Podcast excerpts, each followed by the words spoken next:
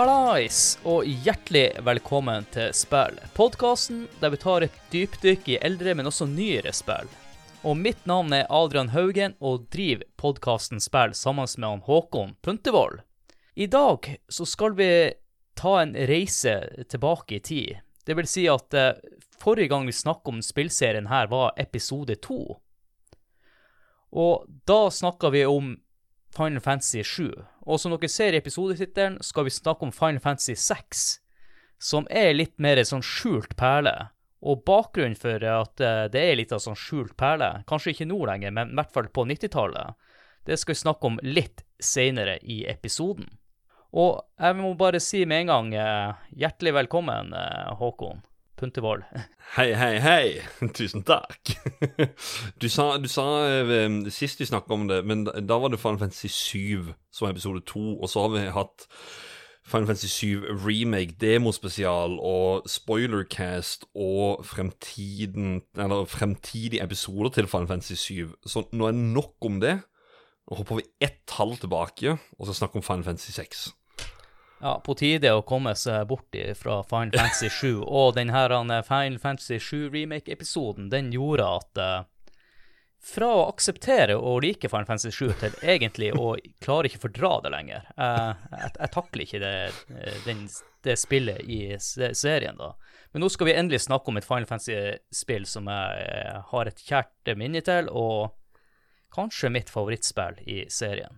Så langt, for jeg har ikke spilt alle spillene. Ja. Og som vanlig, Håkon, så er det jo sånn at uh, vi skal ikke snakke om det her eh, spillet alene. Vi har jo fått med Nei. oss uh, to ihugga Final Fantasy 6-fans. Ja, nå holdt jeg på å si oppi hugget ved det, men det er jo ikke helt i hugget. Altså, det, det er et stykke vekk fra det, men det er oppe i nord et sted. ja, så, Så- noen timer sør for meg. Ja, ja. Eh, Der er det jo en kar som, som også er ganske aktiv inne på discorden vår. Han er kanskje den største JRPG-fanen. Eller om, om ikke den største, så er det i hvert fall én av de største. Og jeg vet at uh, dette spillet her har et uh, ganske uh, Han har et kjært forhold til dette spillet her. Han var med i Actracer-episoden og dette her Castlevania Bonanza som vi hadde. Tre episoder. Karsten Solheim, også kjent som Martyrik. Velkommen. God dag, god dag. God dag.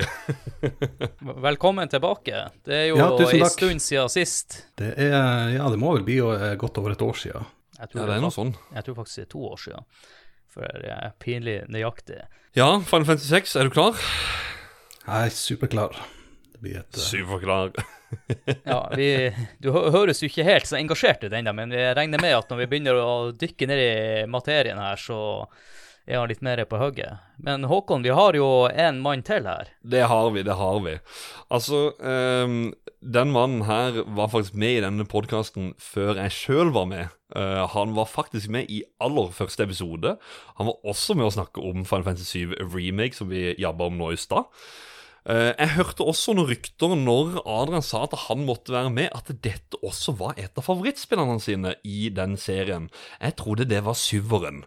Velkommen tilbake, Christer Runde. Tusen hjertelig takk. Dette her ble jo skambra. Ja, Er det Final Fantasy 6 som er eh, favoritten, eller er det syveren? Jeg ble sjokka når han sa det. Ja, jeg, jeg, jeg, eh, jeg har gått litt fram og tilbake med meg sjøl flere runder. Eh, Og for å liksom være så utydelig som jeg kan være, uh, så sier jeg ja, av og til så er det sekseren, og av og til så er det syveren. Det går litt sånn fram og tilbake, uh, rett og slett.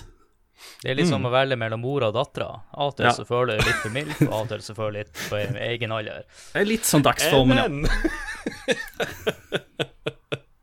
Vi må jo høre, Martyrik, eh, som jeg prøvde å fortelle litt innledningsvis, så kom jo ikke spillet til Europa, eller det nevnte vel kanskje ikke. Så kan du fortelle litt om hvordan eh, ditt møte var med Final Fantasy 6? Husker du noe uttale, eller? Ja da, jeg husker ganske godt ut av. Um, jeg spilte Final Fantasy 7, 8 og 9. Um, og jeg ble jo helt forelska i JRPG-sjangeren. Og eh, måtte jo da, på 2000-tallet, dykke tilbake for å finne tilbake til eh, storhetsperioden til de her spillene. Um, jeg likte egentlig ikke måten eh, Litt seinere i PS1 eh, hvordan eh, sjangeren utvikla seg. Så jeg gikk tilbake og eh, fant da Final Fantasy 3, som jeg fant det da på litt eh, annerledes måter. Eh, for det gikk jo ikke an å få tak i det på noen annen måte på den tida, hvis du ikke importerte. Og det- var såpass uh, likt Final Fantasy 9, som er mitt favoritt-Final Fantasy.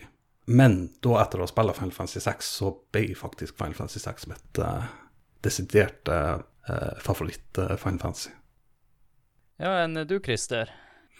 Jo, jeg husker det ganske godt, jeg òg. Jeg eh, har jo eh, nokså lik historie med at eh, jeg spilte Final Fantasy 7, som var det første spillet i serien jeg eh, fullførte og, og runda. Um, og, eh, og så var jeg faktisk i USA og fikk tak i uh, den amerikanske utgaven av Final Fantasy 8. Uh, og dette var jo på ei tid der eh, eh, spill slapp jo mye tidligere i USA. Eh, så jeg fikk jo spi spilt gjennom Final Fantasy 8 på et veldig tidlig tidspunkt. Ehm, og eh, så ble det en liten venteperiode mellom åtteren og nieren. Uh, der jeg begynte liksom å klø litt i fingrene, fordi at jeg hadde liksom oppdaget uh, uh, JRPG-sjangeren for fullt, og, og digga det. Um, og jeg ville liksom ha mer. Ehm, så da begynte jeg liksom å utforske hvem, hva er dette selskapet, og hva har de gjort. Eh, og da begynte jeg liksom å, å lete eh, rundt i, egentlig flere Square, eh, Squaresoft på den tida eh, sine spill, eh, men valgte da å gå videre og, og bakover i serien. Eh, og da tror jeg Final Fantasy 6 var, hvis jeg husker rett, det første spillet som jeg testet ut etter det. Eh, og for å være helt ærlig, så tror jeg jeg emulerte det. Eh, det var sånn jeg fikk tilgang til det. Jeg husker eh, Jeg husker òg jeg har sett coveret i noen butikkhyller en eller annen gang eh, back in days. Men eh, jeg emulerte det, og så eh, kom det jo ut en utgivelse på PlayStation noen år seinere eh, som jeg òg kjøpte, da. Så, da. så jeg har gitt pengene mine til selskapet for det spillet. Eh, og, og så kjøpte jeg òg en forsegla utgave av eh, Final Fantasy 6 når jeg var i Japan. Så det har jeg faktisk liggende her hjemme. Den japanske versjonen, er det Final Fantasy 6, eller går det under Final Fantasy Anthology, de her pakkene som kom ut? Husker du det? Eh, ja, det var uh, Final Fantasy 6 gikk vel under Var ikke Anthology-pakken? Ja, for vi fikk Det det jo her i. Europa med Final Fantasy 6, men så er det jo i USA, og så var det jo Ja, vi kommer sikkert tilbake til det der i, Ja, i ja. bakgrunnshistorien. Ja. ja for Eneren og toeren òg ble gitt, gitt ut etter hvert. Mm. Det var jo under Final Fantasy Origins. Ja, Origins, det stemmer. Mm. Og Håkon? Ja. Ja, mitt personlige minne, eh, eller personlig eh, forhold til dette her, det er jo egentlig at det, er, det har alltid vært der. Eh, det har alltid vært et spill som har liksom sett via ja, emulator, som tidligere nevnt her. og Spilte jo Final Fantasy 7, skulle begynne på Final Fantasy 8. Nei, men her er jo ikke Cloud og Barrett og Jeg slo vi av det spillet. Og så var det egentlig det samme med Final Fantasy 6, når vi emulerte det. Eh, men så eh, Jeg begynte aldri på det, men musikken, eh, som kommer til å være et eget lite tema i episoden her, den har alltid vært betydningsfull, og har hørt på den masse gjennom årene.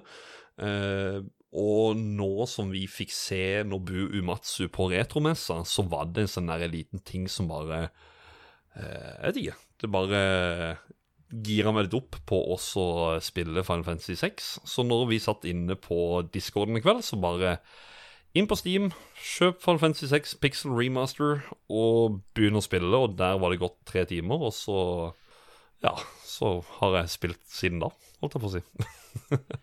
Ja, det blir jo interessant å høre. eh, Ja, du runda det? Nei, jeg er dessverre ikke kommet helt igjennom det. Men eh, jeg har jo hørt åssen spillet utfolder seg etter hvert, eh, siden det kom ut for mange år siden. Men eh, samtidig blitt overraska underveis også. Jeg er godt over halvveis. Mm. Så det mm. Ja, Det blir jo interessant å høre dine inntrykk om eh, spillet, da, siden du Ja. Uh, ja, du har spilt det i ganske voksen alder, vil jeg jo si, i forhold til Mm. oss andre.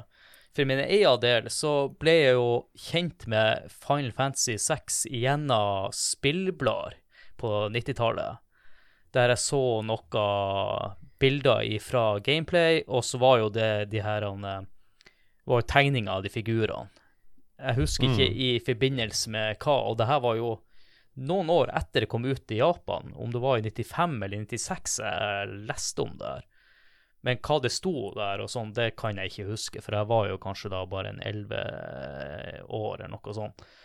Eh, og så gikk det jo bra mange år eh, før jeg ble interessert i Final Fantasy igjen. Og grunnen til jeg ble litt eh, interessert i å finne mer ut om det her Final Fantasy, var jo gjennom han Ralf, da, som har vært eh, i, med i mange spillepisoder. Og da begynte jeg med Jeg tenkte at jeg skulle begynne, gå litt tilbake i tid, så jeg begynte med Final Fantasy 4. Og når jeg hadde klart det spillet, så gikk jeg over til Final Fantasy 6, og det husker jeg spilte i, i påska, kanskje var i 2000, påska 2008. Og det var litt Jeg, jeg syns det var spesielt at det ga, ga meg så masse inntrykk, og eh, levde meg inn i historien. Spille et så gammelt spill for første gang. eh, ja, det Mm. var eh, kult. Men når jeg tenker tilbake igjen, så tror jeg også spilte tidlig på 2000-tallet, men jeg hadde jo ingen erfaringer med med JRPGs på denne måten. Jeg var jo vant til å spille Zelda og eh, Secret of Mana og de typer spillene, ikke det her uh, turbaserte kampsystemet. Jeg syns det var dritkjedelig, skjønte jo ingenting. Så da kan vi jo fase litt mer over til eh, hva er Final Fantasy eh, 6? Og som jeg sa, det er jo et JRPG. Og kanskje sammenligne JRPGs på 90-tallet med vestlige RPG-er, så vil jeg jo si at uh, JRPGs uh, er kanskje en RPG light i forhold til de her tunge spillene som var ute i Europa. Mm.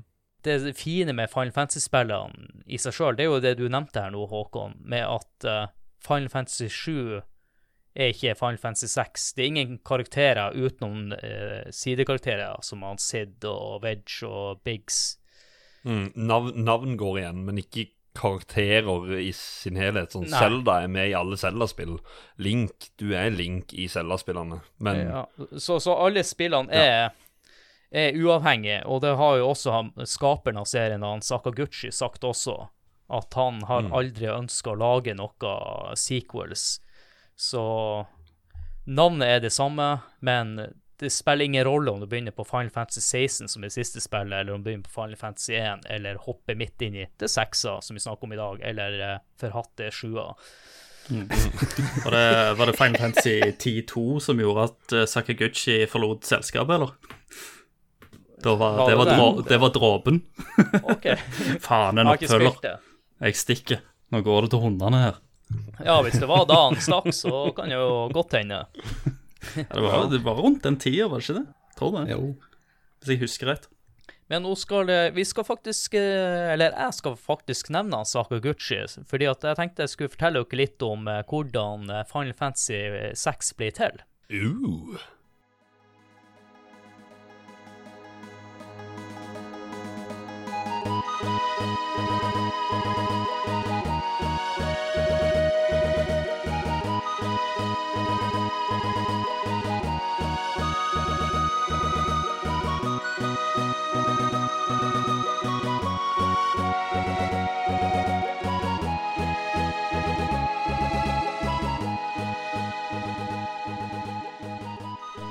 Squaresoft hadde akkurat gitt ut Final Fantasy 5 til SNES 6.12. i 1992.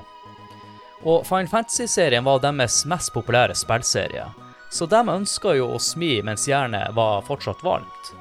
Og derfor ble prosjektet Final Fantasy 6 igangsatt, så å si dagen etter arbeidet med Final Fantasy 5 var over. Det var planlagt at prosjektet skulle ferdigstilles og gis ut i starten av våren 1994. Og det her medførte til en veldig tight tidsfrist. Og resultatet var også at bemanninga til dette prosjektet måtte oppjusteres kraftig i forhold til tidligere Final Fantasy-prosjekter. Og jeg leste at det var opp mot 60 personer involvert. Personlig så synes at det her høres ut som det er veldig mange, eller altfor mange personer i, for et SNES-spill å være. Så det her velger jeg å ta med ei klype av salt. Spillseriens skaper og director for de tidligere Final Fantasy-spillene, han Hironobu Sakaguchi, gikk inn i nå i ny stilling som vice president for selskapet, i en veldig tidlig eh, fase i prosjektet. Han skulle fortsatt være involvert i prosjektet, men denne gangen innta en rolle som produsent og ha et overordna ansvar. Og han bidro også med story og character creation. Og siden Final Fantasy-teamet hadde blitt større etter overgangen fra å lage spillene på NES til SNES, så hadde de gjort, eh, eller nå hadde de bestemt seg for å gjøre en strukturell endring. Så de valgte å dele opp teamet innenfor to ansvarsområder. ene ble kalt for Battle Team og skulle ha fokus på battle og kampsystem. Og den andre delen ble kalt for Adventure Team og skulle fokus fokusere på adventure og story. Derfor føltes det mer naturlig å dele denne director-rollen i to roller, etter at Sakaguchi har trukket seg tilbake. Og må nevnes at han uh, var mer involvert i utviklinga enn tiltenkt. da. Han uh, Hiroyuki Ito var mannen bak utviklinga av det aktive kampsystemet for Final Fantasy 4, og han inntok rollen uh, som director for Battle-teamet. Og han Yoshihiro Kitase, med sin filmbakgrunn, hadde vært ansatt to år tidligere i Square. Han skulle nå for første gang innta en rollen som director og lede adventure-teamet. Og han Sakaguchi han ønska å gjøre noe annerledes for dette spillet, hvor tidlig spillet hadde inneholdt én hovedkarakter med følge.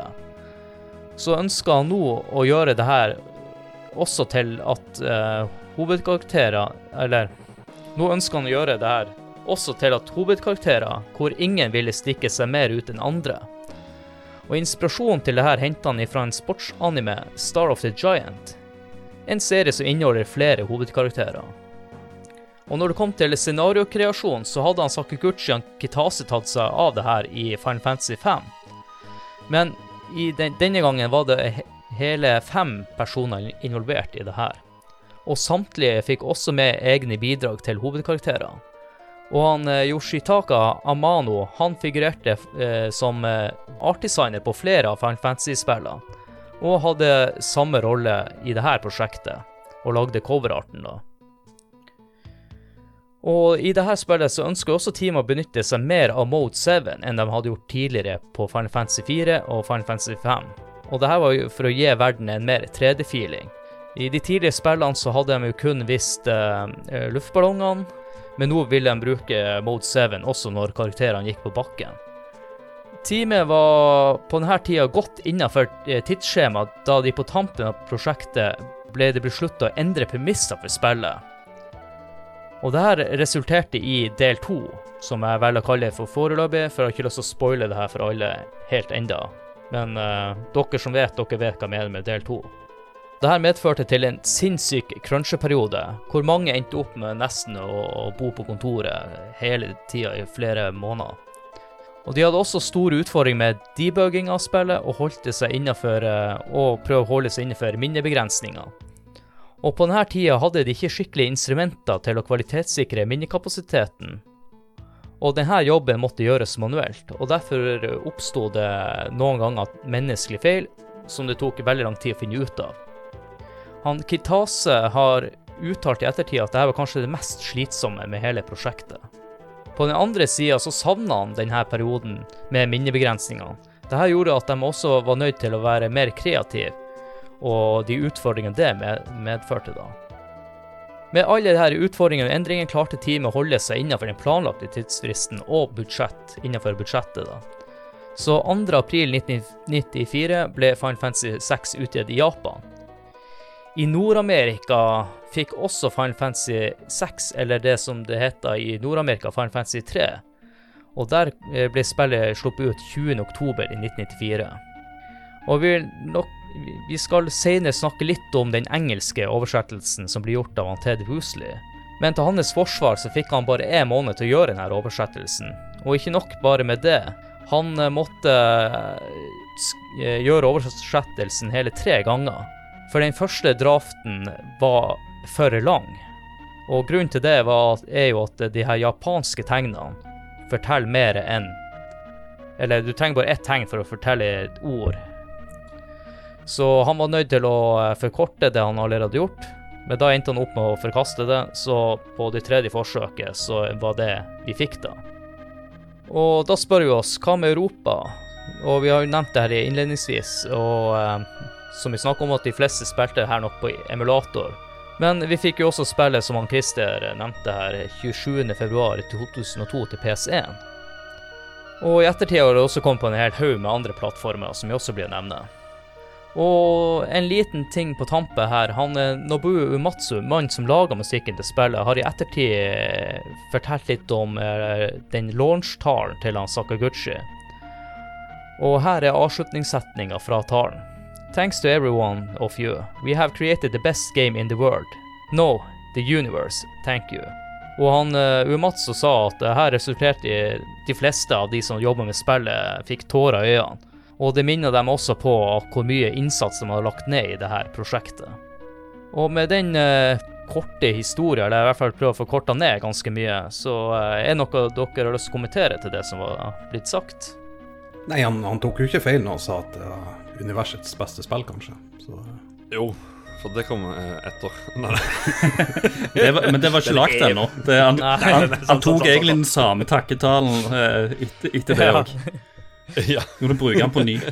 Men ikke til Final Fantasy 10. 2. Nei. Nei, tid til. Nei. Nei, nei, da stakk han.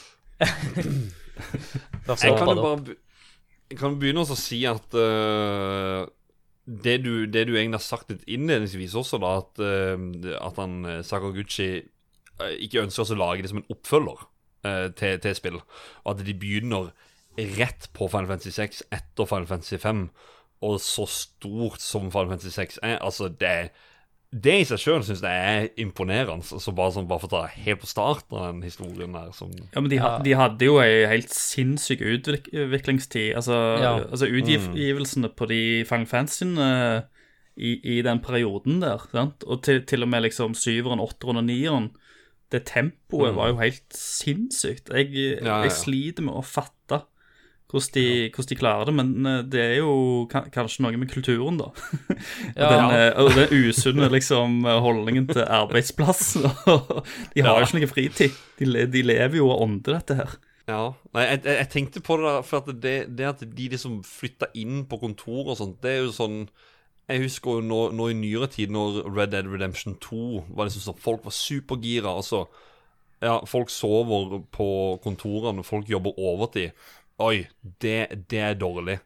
Uh, den tida her, og jeg skal jo ikke si at det er veldig bra, men, men de var jo et mye mindre team igjen. Det jo, kan jo ikke sammenlignes med det som er i dag. Så det, det viser bare hvor mye det betyr for de å få lagd det spillet. Så jeg, ja, det Ja, er ja, jo altså, og- og- hatten av. Og så er jo alle japanere single og får ikke barn, så Så det gjør det litt enklere å bare Men- men vie all tid til jobb. Men greia er også det som jeg nevnte, som eh, jeg, jeg ikke klarer helt å fatte, er at det var 60 personer involvert. For når man har gjort research til andre Super Nintendo-spill på den tida, så har det, Det kanskje vært jo mm, rundt ti stykker. Sånn, Ja. eh, og så må vi ikke glemme at de hadde, lå jo godt innafor uh, tidsfristen, og spillet skulle ikke bli så langt som det ble. Så de eh, undervurderte vel kanskje den jobben med den del to, da.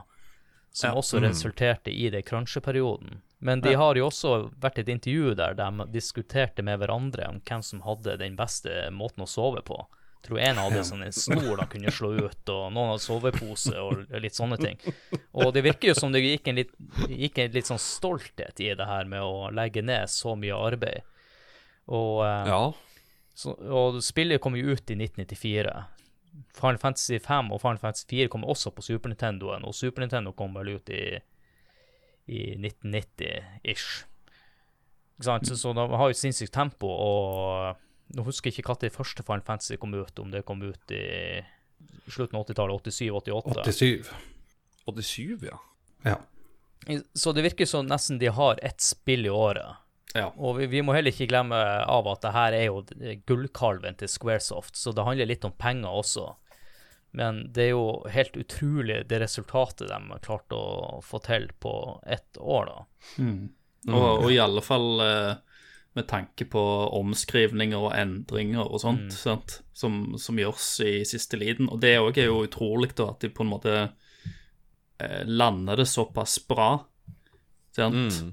Fordi at eh, eh, de endringene de gjorde der, det er jo noe som eh, i mine øyne gjør spillet litt unikt òg. Mm. Mm. Eh, som vi sikkert kommer til å snakke om seinere, i spoiler-delen. Ja. Ja.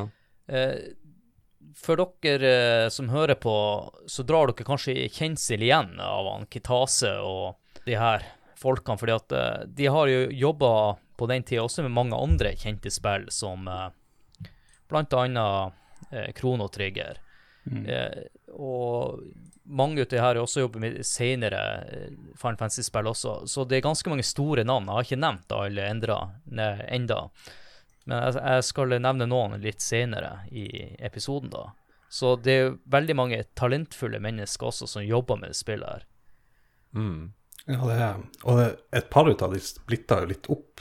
De gikk jo til og skapte Xenogear Saga, eller Ja. Xenogear-serien. som, Det, det var det jeg tenkte jeg skulle stor. vente og spare med, men eh, der tok du den fun facten. ja. Men så, som du sier her, eh, Karsten, så um, Ja, det er ganske mange eh, dyktige folk på samme prosjekt. Og um, Mm. eh, det her med at de eh, eh, Ja, det var fem stykker som skrev de scenarioene og alt. Veldig mange in- involverte. Så ja, ett år det er kort tid, men hvis det stemmer at det var 60 personer, så det er et ekstremt stort team. Ja, men så skal du klare å styre det og strukturere det òg. Det er jo ikke liksom gitt. Nei, men eh, de hadde jo eh, De hadde jo ordna en sånn struktur som de hadde kontroll på. Og så mange av de menneskene her hadde jo allerede jobba med de her eh, tidlige Final Fantasy-spillene også. Mm. Og så mener jeg også en eh, Jeg har nevnt han før, jeg mener det var i Final Fantasy 7-episoden. Det er faktisk en sånn eh, eh, indisk amerikaner som jobber som hovedprogrammerer. Jeg husker ikke navnet i farta. Nasir Gabelli fra Ja, Iran. Ja, det det stemmer, han, ja. Men, men grunnen til at han ble med og jobba med Final Fantasy-spillene, var fordi at han hadde fått en avtale med Sakaguchi at han skulle få lov til å ete biff til middag hver dag. Så han er en ganske, ganske viktig brikke, han òg, i det her spillet. Eh, så nevnte jeg også det her med Mode 7. Vi kan jo eh, sikkert snakke litt mer om eh, spesielt åpningsscener litt senere, da. Men eh, når vi snakker om måten Eller hvis vi skal snakke litt om designet, da, så kom jo Final Fantasy 6 ut i storhetstida til Super Nintendo, vil jeg si. Jeg mener 93-94 er de to årene der at uh, det begynte å komme spill til konsollen, og de har funnet ut av hardwaren og hva som er mulig. Og hva dere synes de klarer å oppnå med det grafiske på Final Fantasy 6? Altså, Pixel Remaster så er du helt konge. Det det jeg. Hold kjeft. Nei da. Nei, her, her, her skal ikke jeg si så veldig mye, for at jeg har ikke spilt SNES-versjonen. Ja, det, det er i alle fall ikke Det kom vel ut en eh, Den andre mobilutgaven, den er jo enda jævligere. Den kom Ja, jo ut før Ja. Pixel Remaster. Det, Ja, jeg, jeg har sett det, uh, Kenneth Jørgensen, Uh, han spilte vel dette på mobil. Eh, og, og han er jo egentlig et retrohove, men han bare, jeg tror han troller meg. Men han bare sånn der, 'Jeg elsker den grafikken! De ser jo så mye kulere ut enn i originalspillet!' Du må spille mobilversjonen. Og du nevner den mannen, og det er noe jeg egentlig ville gjøre, siden det er en podkast uh, fra Nerdcast. Kenneth Jørgensen er anti-JRPG-person. Han har aldri takla det. Han har alltid snakka ned på det. Spilte Final Fantasy 6. Han sendte meg videoer hvor han grein. Han, altså han eh, begynte også å kjøpe inn fysiske kopier og alt sammen. Så eh, bare så det er sagt, alle sammen, test dette spillet. Sånn. Men jeg, jeg, jeg liker at dere har kommentert på alt jeg ikke spurte om. Jeg, jeg Ja, spurte nei. ikke om de her. Stilene Nei. Nei, nei, nei. Eh, Jeg måtte, jeg måtte bare ta en liten ja. Jeg syns eh, det er mm, utrolig hvor mye, eh, hvor mye emosjoner de klarer liksom å putte inn i disse pixel-figurene. Eh, spesielt, liksom. Der, var det, der følte jeg det var et ganske stort hopp for det, du skal jo liksom fortelle denne historien, og det er liksom dramatiske svingninger her og der. Og du skal liksom Folk skal være triste, glade, de skal ja, sinte og sånt. Jeg syns de, de får veldig mye følelser ut gjennom de sprites som de har lagt. Eh, og så hjelper jo sikkert musikken òg, selvfølgelig, og lydarbeid og sånt, men eh, eh, ja, jeg tenker spesielt i hvert fall på Vet, vet, på vet, du, det. hvor- vet du hvorfor den klar, klarte å få til så mange følelser på de spritene her i, i forhold til tidligere? Det er jo mer detaljer, kanskje, eller er det Nei, det er fordi at de har brukt den samme spriten in game som i den åpne verden. Fordi tidligere i Final Fantasy 4 og Final Fantasy 5 som hadde de lagd mindre figurer mm. Mm. for å gå i den åpne verden, mens her bruker den eh, samme figuren i den åpne og i kampsekvenser og ellers, da. Ja, sant. Mm. For i Final Fantasy 4, det eneste måten du kan egentlig se eh, animasjon eller følelse på karakterene, er hvis de hopper opp og ned. Eh, Ja, Så det er jo et ganske stort sprang Ja. i forhold til Ja. eh, to år tidligere. Mm. Ja, det Ja, det er veldig viktig, som, som du sier, eh, Christer, at de har eh, fått det til. Men jeg syns også eh, den, de sprite-detaljene, også i bakgrunnene, i, i byer og eh, eh, I hvert fall i eh, Figaro. Eh, Husker jeg feil, eller har de litt sånne der parallax-effekter gående og Ja. noen plasser der? Ja, du, du ser Sant. at det er noen motorer som går rundt, eller vifter og litt sånne ting. Eh, Sånne detaljer som kanskje eh, Nå skal jeg ikke si at jeg har spilt alle spillene på Super Nintendo noensinne, så, men jeg kan ikke huske at det var så mange sånne detaljer på bakgrunnen. Og som din podkastkollega Thomas Jørgensen har sagt, teksturene, mann. Det er ganske bra teksturer til å være på eh, Super Nintendo. Ja, Ja. ja, absolutt. Det er kjempe, kjempedetaljert, liksom. Og en annen ting som er litt spesielt eh, med det her spillet, det er vel kanskje det første Final Fantasy-spillet der den går bort ifra den her eh, going medieval on your ass, som man sier i Pulp Fiction. da. At den går bort ifra medieval-settinga til en litt mer Jeg vil ikke si steampunk, men det er kanskje 1800-talls uh, Jules Verne-verden, da. Med litt så, mer motoriserte Litt mer moderne enn Magitech. ja. Ja. Uh, så det her baner jo kanskje litt mer vei for å, å ta dem steget eh, enda et hakk til den Final Fantasy 7-settinga. Mm. Ja, for det var jo virkelig et hopp uh, i en Ja. helt annen retning. Så det her var jo første spillet der de valgte å gå litt andre veier med det. Hva dere synes om eh, akkurat det valget, da? Jeg, jeg, jeg har jo alltid likt at de eksperimenterer med settingen og sånt, og så er det jo selvfølgelig noen av de settingene som jeg liker bedre enn andre. Eh, og så Men det er jo mer sånn jeg, jeg tror ikke jo Jeg tror ikke jeg tenkte så veldig mye over det når jeg spilte det eh, første gangen. At det var liksom veldig annerledes, egentlig. Det, for jeg kom jo fra Final Fantasy 7 og Final Fantasy 8, som òg var liksom mer futuristisk. Så jeg, jeg satte pris på den eh, følelsen av at eh, å ha en litt Altså den gang en enklere verden, egentlig. Mm. For, det var, for både syveren og åtteren var veldig sånn futuristiske steampunky.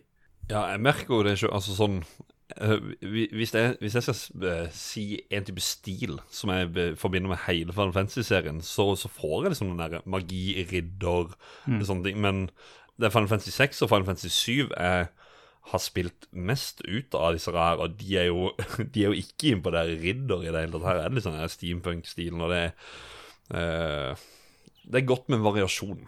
Og jeg syns det er der de er flinke òg, da. At, at de, liksom, de klarer å fullføre den og ha den stilen Eller ha de forskjellige stilene i spillserien generelt, da. Eh, Så i dette tilfellet knallbra. Men du har jo du har slått, og du har sol altså, soldatene her har vel litt mer, eh, litt mer moderne soldater da, enn liksom ja. ridderhjelmer og sånt. Ja. Det er sånn brune topphjelmer og Ja. Og uh, Jeg liker at det er litt, uh, at, at det er litt mer teatralsk. Det er litt mer eh, Det er akkurat som du nesten er i et eh, spillestykke, egentlig. Og det gjør de jo et poeng ut av òg. Ja. Og eksempel når karakterene eh, Du får noen som skal joine crewet ditt, så får du liksom en sånn mørk, eh, mørk skjerm, og så kommer det, kommer det nesten så det så skulle ha kommet ned teppen, og, og liksom Du er invitert til eh, å, å joine Ja. oss. jeg liker det veldig godt. eh. du, du er inne på noe der, Karsten, for jeg mener Når jeg har lest litt og gjort research, så tror jeg det er faktisk intensjonen deres også. Jeg, jeg tror ikke bare det her Final Fantasy-spillet, men også tidligere Final Fantasy-spill. Og jeg mener også i Final Fantasy 6 så bygde de noen modeller av alt. Fysiske modeller av alt. eh, byene og, og det. Så du, du er inne på noe der. Men det er også å legge merke til med de karakterene sånn. Jeg får litt mer sånn anime-feeling over dem enn uh, kanskje tidligere. Eller det kan hende at det bare er jeg som tenker det, da. Ja, jeg, synes, jeg syns nå at det er veldig mye anime i syveren og åtteren òg. Men eller, eller de tidligere, ja. ja. Ja. Så ja, det begynner jo å nærme seg litt mer anime. ja. Mm. Men hva dere synes de har eh, gjort og fått til med en verden her, da? Den eh, føles jo stor og massiv, og jeg liker jo universet veldig godt etter hvert som det liksom utfoldes. Ehm, eh, det føles liksom som du er liksom på ei stor reise etter hvert, sant. Eh, som alle de eh, gamle Final Fantasyene Mm. til dels klare, som jeg føler at er noe som gjerne jeg har savna veldig i moderne spill, da. Eh, i, Etter de kvitta seg med eh, worldmappen når de gikk over i mer 3D, og det ble vanskelig å lage et, et worldmap. Ja. Så, så istedenfor det så får du fast traveling-punkt eller ei liste med ting, eller masse loading-områder. mm. og, og det har liksom ikke Det har liksom Jeg savner det aspektet, for det var veldig Final Fantasy for meg. Eh, og det er jo for så vidt veldig JRPG i den epoken, da. Mm. Men eh, ja, det er ikke noe som gjelder liksom eh, for Final Fantasy 6 alene nødvendigvis. Men det er de Eh. spillene eh, som ble lagt da. Det er artig du nevner med Overworld. Det her er kanskje en fun fact om Final Fantasy 7, da. At de små tømmermennene på mappet, de ble lagd eh, små med vilje. Så, og det samme med de andre tidligere Final Fantasy-spillene utenom Final Fantasy 6, var jo også karakterene lagd eh, mindre med vilje. Og det er jo også for å vise at verden var mye større. Mm. Mm. Så da er det jo litt interessant at i Final Fantasy 6 velger å bruke samme spriten i, i alle sekvenser. Mm. Men Ja. de, de klarer jo da å få verden til å virke større med eh, Mode 7 også når du går, og ikke bare opp i luftskipene. Og så en annen morsom ting med luftskip. De blir jo skapt fordi at det skulle være en måte å fast-travele på fra punkt til Ja. punkt.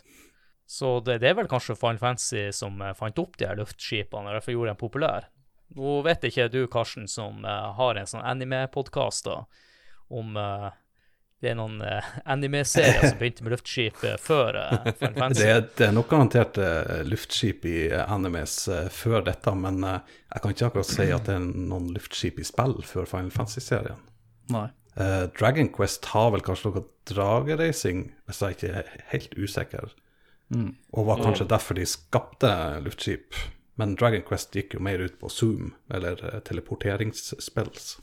Eh, det jeg ikke nevnte her innledningsvis med bakgrunnshistoria til Final Fantasy 6, er at i Japan så er faktisk Dragon Quest en mye større spillserie enn Final Fantasy.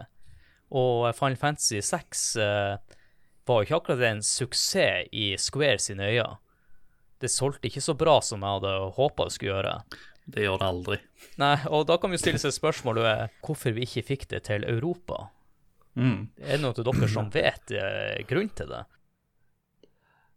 Jeg vet ikke om de bare tenkte det at eh, vi er ikke klar for det, rett og slett. Uh, you, you guys are too stupid.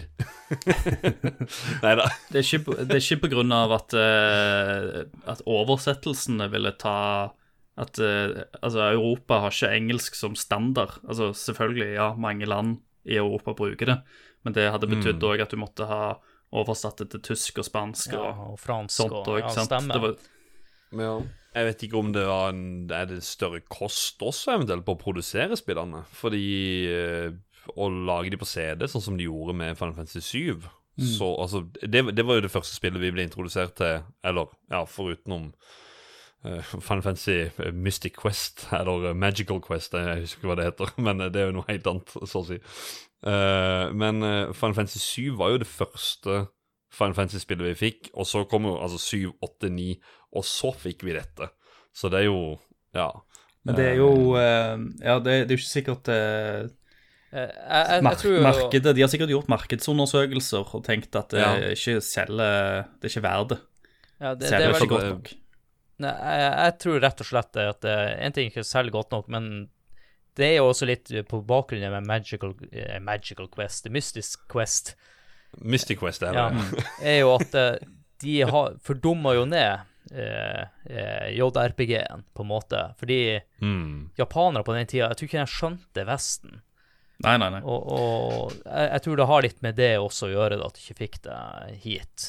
Det var. Xenogears òg, som ble stoppa pga. masse religiøse synspunkt, blant annet. Ja.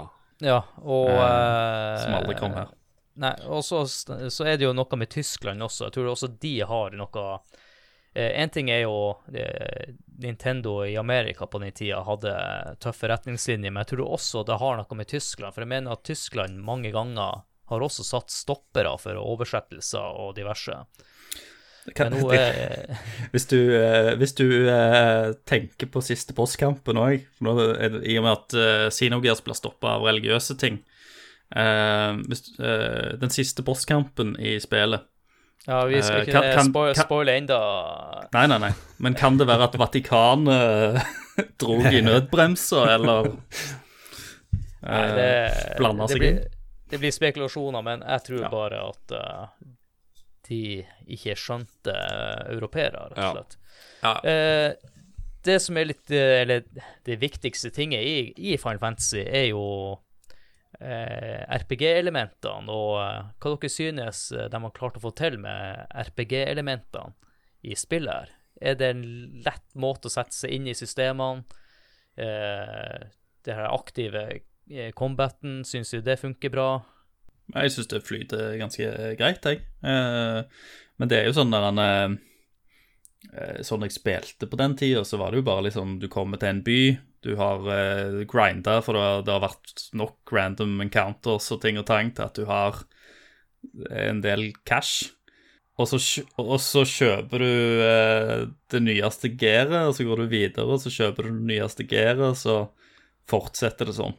Og så er det jo liksom seinere tid og kanskje andre gjenspillinger der du eh, går og ser i en guide, og så Å ja, hvis jeg går der, så kan jeg få disse eh, spells og, og disse tinga og disse tinga. Og så spiller du på den måten. Men første gang jeg spiller disse spillene, så, så er det ofte veldig sånn straight og rett fram. Og hvis det er noe jeg virkelig har lyst på, som jeg plutselig ikke har råd til, så, så brukte jeg mye tid til å bare grinde i området, og til jeg hadde nok til det nyeste. Og så gikk jeg videre. Ja, det, det som også er spesielt i det her spillet i forhold til femma, er jo at de bestemte på forhånd egentlig abilitiesen til hver karakter. For i femma så kunne du jo, med det jobbsystemet og det, eh, også tidligere Final Fantasy, så bestemte du litt sjøl eh, hvordan typer det er. Men her er jo satte typer. Eh, har, du kan jo også oppgradere magien. All magi kan alle oppgradere. Og mange mener jo at det her er jo en en overpower ting, da.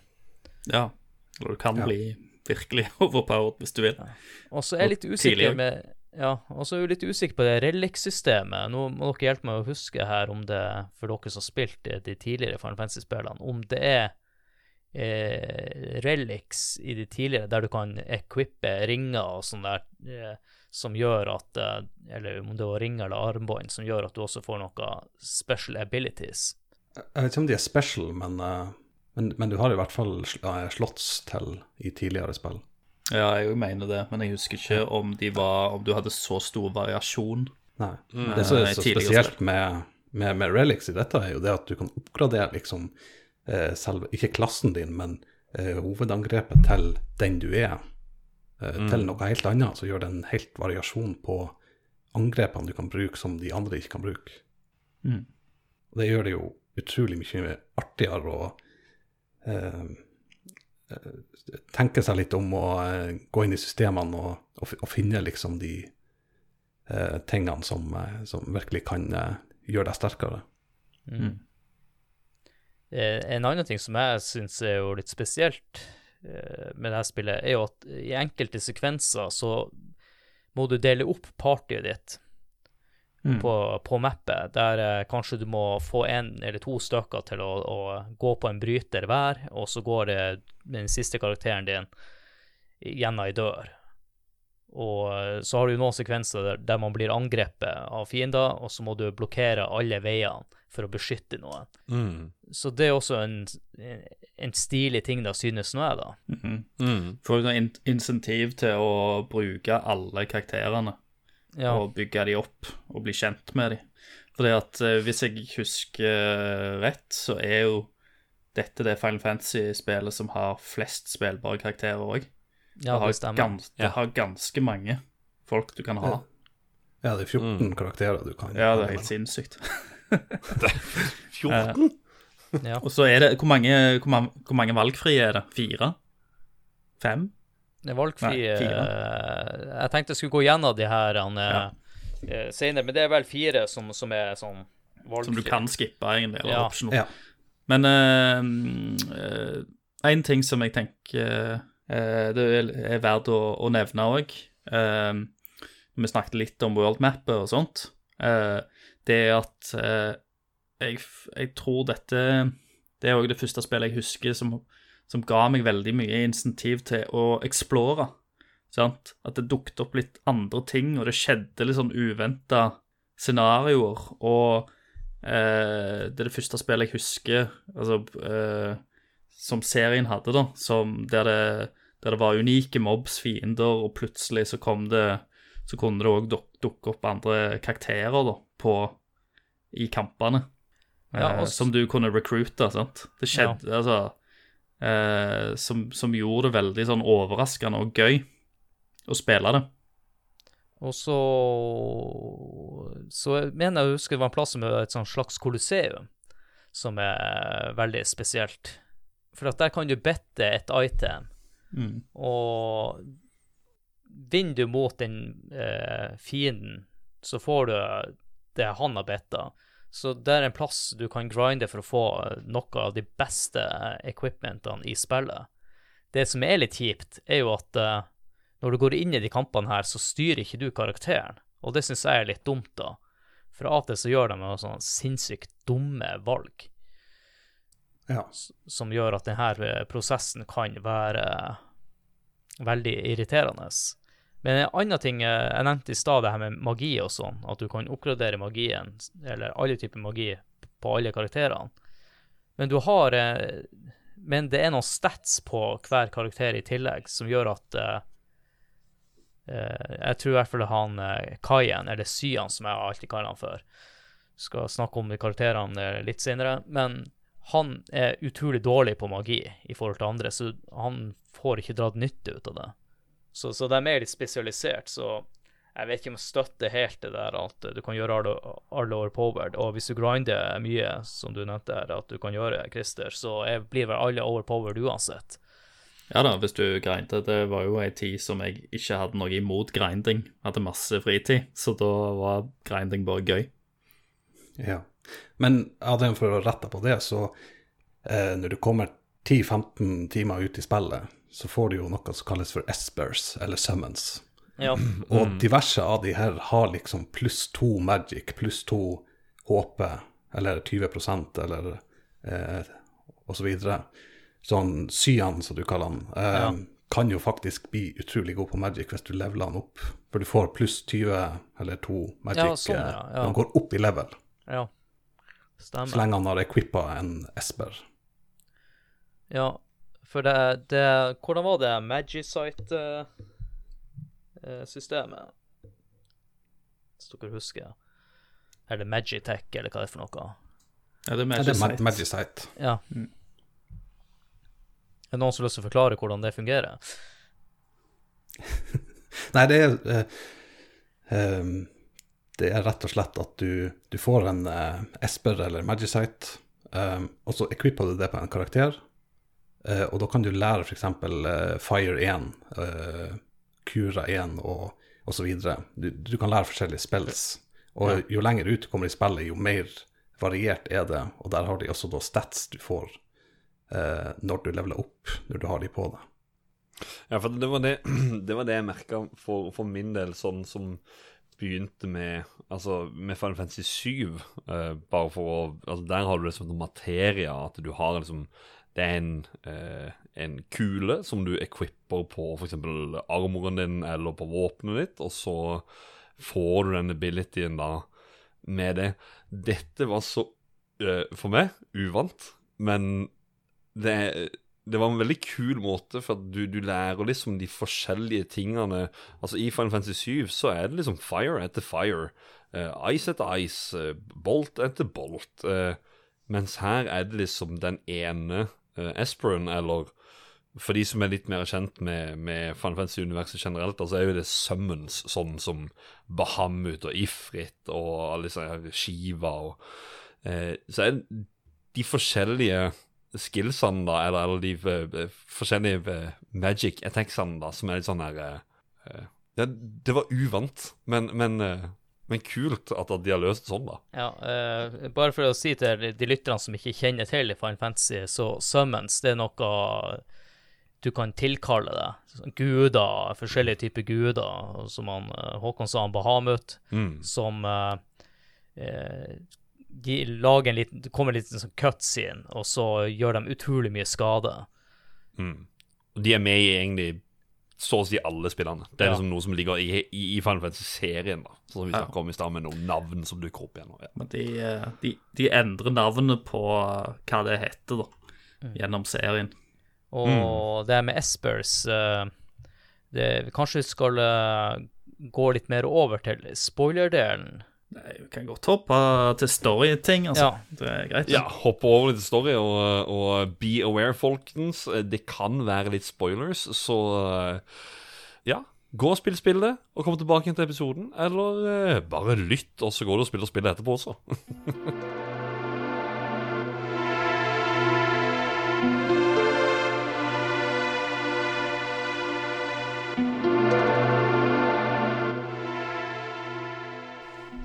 da skal vi snakke litt mer om, om storyen og alt det. Og eh, Karsten, uh, kunne du tatt oss gjennom settinga for Final Fantasy 6? Ja, plottet i Final Fantasy 6 det handler om en konflikt mellom The Gestallian Empire, som prøver å ta over verden med sin Vegitech-makt, og den rebelløse gruppa The Returners i en fantasy steampunk-stilverden. Uh, Gestals Empire har tilegna seg stor makt ved å eksperimentere på magiske skapninger kalt espers, som de har fanget i en verden avskilt fra deres egen. The Returners søker allierte til å ta opp kampen mot denne stormakten, da Terra Branford kommer i deres hender. En person som kan være nøkkelen til å forstå det ukjente magi og esperverden som vi ikke vet så mye om. Mm. Så, så, sånn eh, starter det, og spillet starter jo med den berømte åpningssekvensen.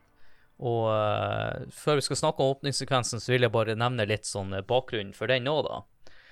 For uh, han Takahashi, som er kjent fra Xenogear-serien, som han Karsten nevnte litt tidligere, var mannen som lagde denne berømte åpningssekvensen. Og han Sakaguchi han hadde jo visst han hvordan de her meksene skulle se ut. Men han Takahashi han valgte å ta sine, og gjøre sine egne endringer og, og tok sine friheter. Så eh, bakgrunnen eh, for det her er jo at han er en stor MEC-nerd. Og det er jo mhm. også det folk som spiller Xenogears, skjønner jo med en gang at han er en eh, skikkelig glad i Mex, og er glad i Mex-anime. Så da han eh, Sakaguchi fikk se det endelige resultatet, så var han eh, at Takashi tenkte at ja, jeg er nå spent på hva han synes, men han var han Sakaguchi var jo ja, helt henrykt og sa at eh, ikke endre en drit, sa han. Det her var mye mm. bedre enn det han sjøl hadde vis visualisert uh, hvordan det skulle se ut da. Og det som er litt artig mm. med de mexene her, er jo at uh, den arten som lagde spillet, ser mexene ut på én måte, in game på én måte, og åpningssekvensen ser han ut på en annen måte igjen. Så det er jo tre versjoner av samme mix. Men hva dere synes om den her eh, fantastiske åpningssekvensen til spillet? Og uh, Håkon har lyst til å fortelle lytterne, for de som ikke har spilt spillet og fortsatt har lyst til å høre på, Det er jo typ sånn fire lag som er lagt der, ved at de går på en flate, og da er det mode 7-effekten. Som, som du nevnte smått tidligere, som gjør at du kan, du kan vende på, eh, på layers, eller vende på lag. Så egentlig ganske enkelt satt sammen, så er det jo en bakgrunn av en by som stiger opp, og så har de en flate med snø på, som bare scroller bortover. Så har de lagt på tre sprites som er roboter, som har en animasjon, at de går. Og så er det eh, snøeffektene som kommer over der igjen. Veldig enkelt, egentlig, når, når man tenker på det sånn, men sykt imponerende. Og ja, i hvert fall med musikken. Det gjør det veldig stemningsfullt. For øvrig en av favorittlåtene til Nobu Umatsu sjøl. Han har sagt at det er Terras theme som blir spilt av der. eh, Som dere også hørte i bakgrunnshistorien, eh, introen der. Så um, ja, det er en eh, sterk låt. Sterk låt. Jeg er jo interessert i å høre han Christer, han driver på med film og sånn. Hva du tenker om som eh, Hvis du skal se det med filmøya, hva du tenker om denne åpningssekvensen? Um, jeg tenker at det er med å liksom eh, bygge opp at noe kommer til å skje. sant? Vi er på vei en eller annen plass, men eh, måten det liksom er komponert på og, og sånt, og de tar seg litt tid med den musikken, uh, det gir liksom uh, Det gir litt- litt sånn uh, følelse av mystikk òg, sant? Mm. Eh, Så du blir veldig trukket inn, og du, du lurer med en gang på hvem, hvem er disse folka, og hvor skal de? Eh, det, det var i hvert fall det jeg følte. Uh, og så jeg, jeg er jo veldig glad i hele denne åpningssekvensen, for den er egentlig full av mysterier. Den setter opp et stort mysterium i, som går gjennom, gjennom spillet Mm. som vil få Som får til slutt en ganske stor reveal.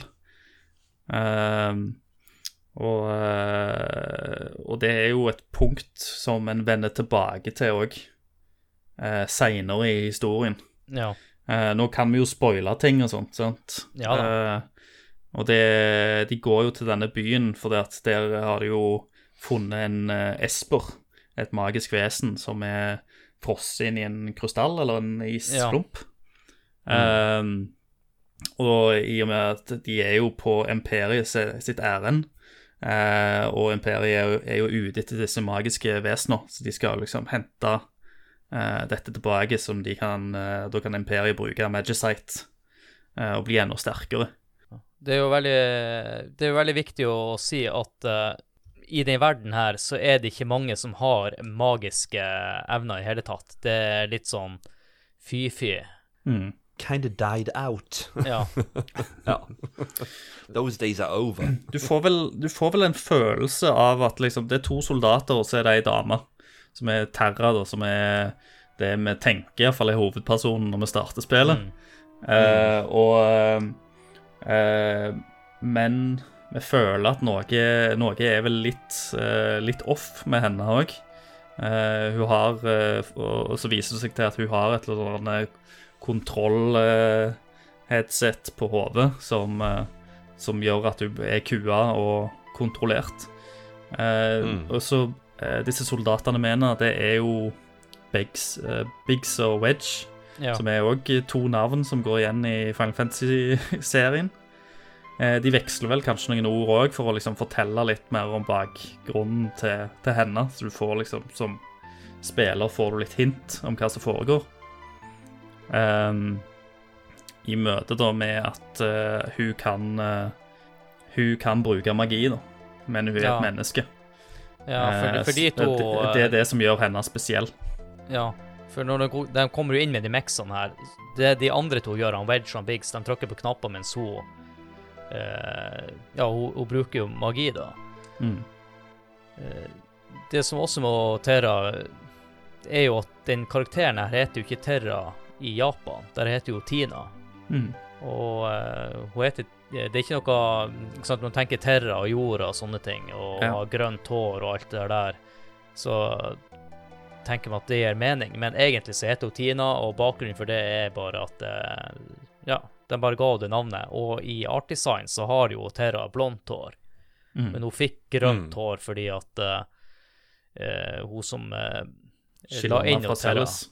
Ja, ja, ja, ikke bare hun, men alle andre var blonde. Hun sa eh, at denne karakteren var eh, Ja, hvis hun også blir blond, så, så hun fikk grønt hår egentlig bare for å skille den personen ut ifra de andre. Og i tillegg så skulle jo Tere opprinnelig være en eh, mannlig karakter. Mm. Ja, Men- faktisk. Men de endra jo det, for de ønska å gjøre noe nytt med det her Final Fantasy-spillet. For jeg mener at i alle tidligere Final Fantasy-spill så har jo den såkalte hovedpersonen vært eh, mann. Og det er jo det som også er litt kult, da, at eh, denne personen kommer inn, og, og det starter med at eh, det er dama som får i hvert fall hovedfokuset i starten, da. Mm. Og det han, eh, han eh, Christer fortalte videre når vi kommer inn til en Nash og sånn i den byen, så eh, Jeg husker ikke hva som skjedde med Tera, men hun, mist, hun mister i hvert fall eh, Hun blir i- i- bevisstløs. I møte med, i møte med denne esperen, eh, så, skjer, så skjer det et eller annet. Esperen våkner opp av eh, eh, inni denne her isen. Eh, og angriper da soldatene og dreper egentlig Biggs, Biggs og Wedge. Eh, som er litt var veldig overraskende for meg, for jeg eh, antok at de kom til å være med lenger. Ja. uh, men det, det er de ikke, da. Og, og, og så uh, wiper han vel ut Terra òg, men hun våkner bare plutselig inne på, inne på en eller annen plass, og da er dette headsetet av. Og så li, lider jo da liksom Det er JRPG-klisjé, da, men det er, li, lider av uh, hukommelsestap. ja. Så hun må liksom finne litt ut Hun vet ikke helt sjøl hva som uh, har skjedd. Og du da også blir kjent etter hvert med han, den, en ny karakter der, en av hovedkarakterene. For du er en gammel mann som uh, passer på, så kommer du inn han, han Locky Cole, som er en spion og sabotør og speider for eh, den opprørsgruppa The Returners. Og eh, det jeg må nevne med de her to karakterene, Terra og Loki, de er begge skapt av han Sakaguchi. Og det er også derfor de har en mer framtredende rolle. Og en liten eh, morsom ting da, er jo at jeg har jo trodd hele tida fram til research nå at han Loki egentlig bare var en tyv. Men det betyr jo at jeg har ikke fulgt med ordentlig på, på teksten og sånn når jeg har spilt det. Så, så det Det var jo litt sånn det, det er fort gjort å, å, å, å, trykke litt fort uh, på, på sånne spill, ja. Ja.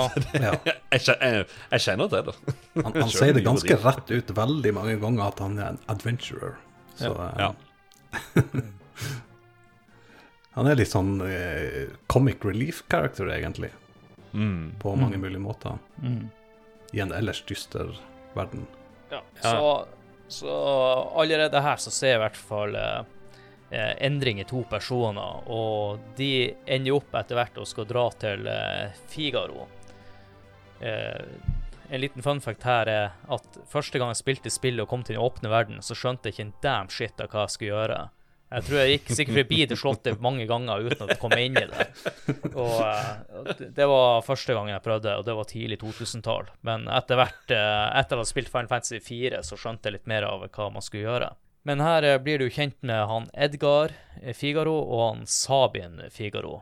Og begge de her to er tvillingbrødre, hvor han Edgar er kongen, og han, eh, og han Sabin er en sånn eh, trent martial arts som eh, har blitt opplært av en kar som heter Duncan. Og det er han som har eh, Duncan som lærte han den blitsteknikken.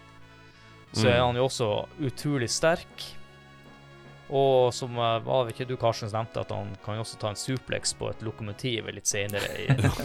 Ja da, når du kommer til Phantom eh, Train, så kan du suplex. Men du møter vel han eh, Sabin. Han, han får du bare et lite flashback tilbake i Figaro. ja. mm. Men, uh, Ja, men- Jeg har en liten fun fact der, fordi at eh, eh, de her to er vel 27 år i spillet, og Terra er vel 18, mener jeg. Ti år tidligere så døde jo kongen av Figaro. Og måten for, for faren deres ville at de skulle eh, regjere i lag, men egentlig så er ingen av de her to som har lyst til å være konge i utgangspunktet. Men da Mm. tok han Edgar og eh, de ble enige om å skulle flippe coin, da, om hvem som skulle bli konge. og Men han, eh, han jukser litt, han Edgar, for han visste at han Sabin hadde ikke lyst i det hele tatt, så han hadde ja, jeg tror ja, samme mynten på begge sider, eller samme jeg tror krone, eller på begge, sånn at han eh, lot han slippe. Ja. Eh, Mellomnavnene til de her to karakterene er René og Rooney, og det er egentlig de opprinnelige navnet til de her. For det er jo eh, kona til han eh, som laget Sinogear-serien, hun Kaori eh, Taka, na, eh, Tanaka, som har skapt de her to karakterene. Nei, der, men der kan du jo òg komme inn på han Ted Woosley, som eh, har oversatt det her på eh, 30 dager. Han eh, tok seg jo ganske mange friheter, og Ansabin heter jo egentlig Mash i den japanske versjonen. Ja, du må, du må jo Ja, nesten gjøre det når du er 30 dager på det. Ja. Kan, kanskje ikke nødvendigvis med navnet, for det Mash er ikke Mm. så veldig Nei, men langt. det kunne men- være eh, assosiasjoner til TV-serien Mash. Ja. Ja, ja, ja. ja, ja, det kan godt Ja, det, være. altså, Ja, ja, men det, det kan Det òg. Ja, jeg vet jo aldri med de japanerne eh, med tanke på de her navnene. Eh, men uansett, eh, det som kommer i hvert fall fram da, er jo at han Edgar samarbeider med de returners i det skjulte, da. mm. Men det er jo, det er jo klassisk eh, RPG-oppskrifter. sant? Starten, du samler sammen teamet ditt. Du, du reiser fra sted til sted. Du blir sendt eh, av gårde på dette worldmappet. Du blir kjent med verden. Eh, hvert nytt sted. Ny person, ny bakgrunn. Og så etter hvert så, så har du et eh, full-fledged team så, som, du, som du må få. Og så finnes det jo selvfølgelig, som vi nevnte tidligere, noen karakterer som er optional. Som er liksom Du kan få de, og du kan dukke opp, men du trenger ikke å ha de med. Så har vi han eh, Kayan. Sier dere Syan, eller sier dere Kayan? Jeg sier han. Sygen. Ja. Eh, Garamonde, som er en samuraikriger fra kongeriket Doma. Og det, er jo en av mine favorittkarakterer, for han er jo litt sånn Jeg holdt på å si emo, men det er ikke derfor han er min favorittkarakter. Jeg likte han var, var samurai og sånn. Men Ja. han har jo Jeg tror du får se den sekvensen hvor han For han sliter jo med dårlig samvittighet og sånn, for han klarte jo ikke å forsvare Doma eh, mot han Kefka, da. For han Kefka trua jo med å for, eh, forgifte byens eh, vannforsyning. Så da måtte han bare eh, kapitulere. Men det som skjer, i hvert fall, er at eh, kona og sønnen hans eh, blir, blir drept eller noe sånt. Og det er det som preger han gjennom hele spillet, og du ser jo også flashbacks. Eh, Det gjør du med vel de fleste karakterene. Og du ser flashbacks av deres tidligere liv, du blir bedre kjent med dem. Mm. Men- Kefka er jo antagonisten i spillet. Ja. Men eh, den eh, I den japanske versjonen eh, så snakker mer en sånn eldre versjon av japansk. Men det, får de, det klarer man ikke å få til i den Nei, det- er litt ja, litt sånn Ja. Ja. Mm, som at han er Ja, ja fra den tida. Ja, jeg Mm. jeg lurer på om også Riktig. jeg bruker noen eldre japanske tegn også i den Ja. uh, i teksten, da. Superlett å oversette.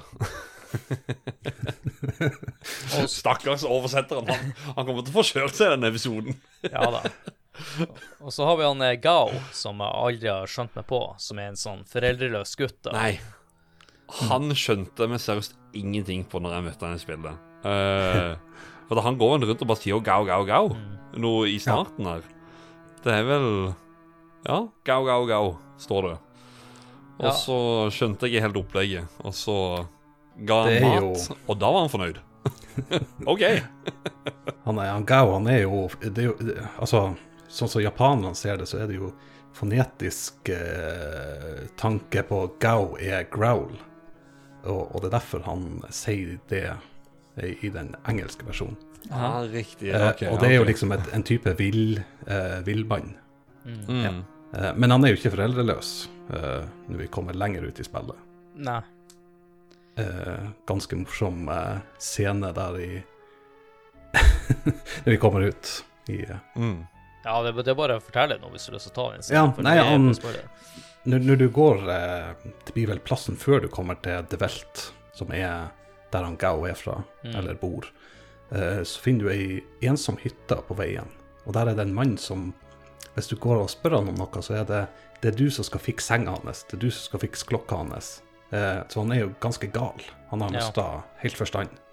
Eh, så når du kommer tilbake da med han Gaus i senere tid og kler han opp i Han, han, han får noen nye klær, sånn ordentlige klær og sånn.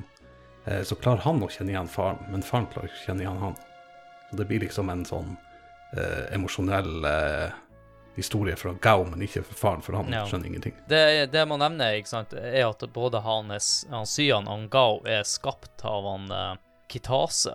Og jeg mener også han Gao eh, ikke var Nei, nå tar jeg feil her. Det er jo Seles som er Men det, det er to karakterer Jeg mener det var han Gao og kanskje var Sele. Men, men og Seles Chel, hun er jo eh, en general for imperiet, som har også litt sånn magiske emner, eller evner, da, men greia her er at hun har fått den injisert. Så, så det er ikke naturlige evner. Mm. Men, men hun, hun eh, skifter jo da side etter å finne ut hvor gal han eh, Kefka er, og, og stiller rett og slett spørsmålstegn til handlingen til, eh, ja, til imperiet og motivasjonen deres, da. Ja, hun Mm. spiller jo rollen som sånn dobbeltagent i historien, eh, som da angrer. Eh, og har en litt sånn redemption-sak gående.